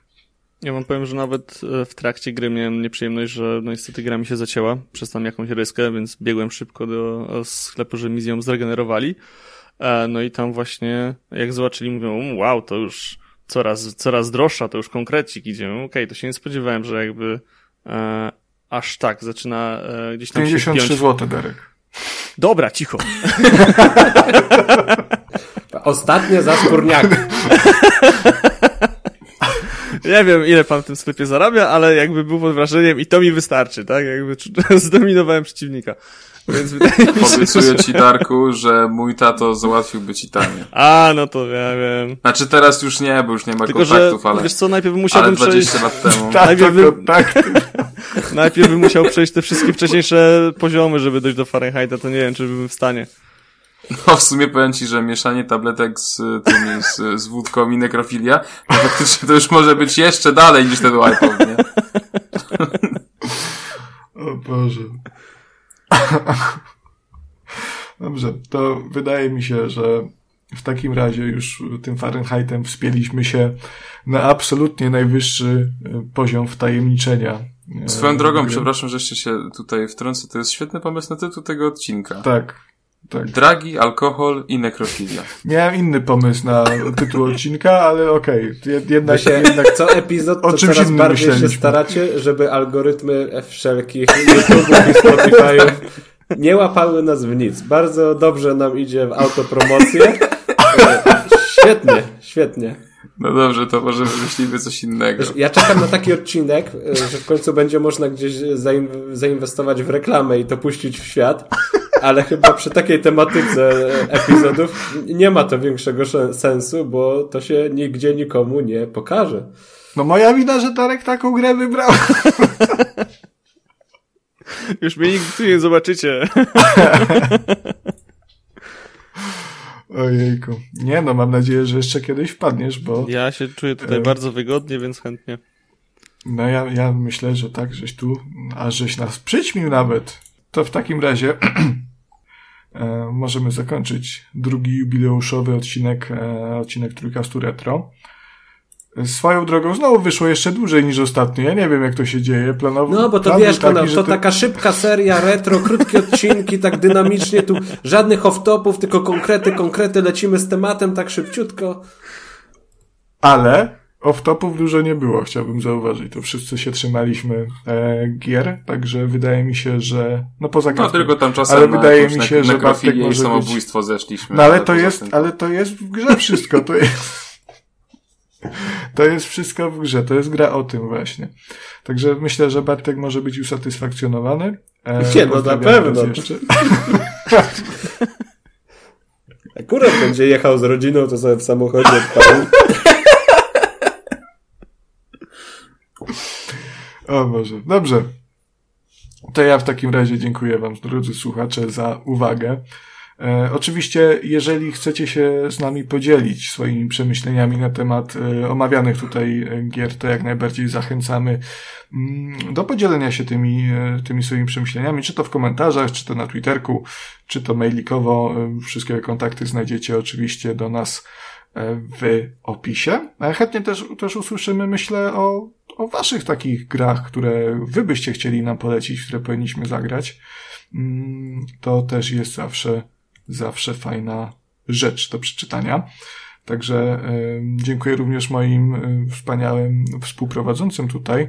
E, Dziękuję przede wszystkim raz jeszcze Darkowi, który no, no zabłysnął nam tu, pięknie nam tu opowiadał. Cała przyjemność po dziękuję mojej ci, stronie. Darku. Dziękuję za zaproszenie. To jest chyba najważniejsze. Dziękujemy za, za przybycie przede wszystkim. E, Ja też ci chciałem podziękować, Darku. Ja też dziękuję, dziękuję. O, ja wam dziękuję. Oj, widać dzisiaj tu czwarty, bo sobie tak słodzimy, chłopaki.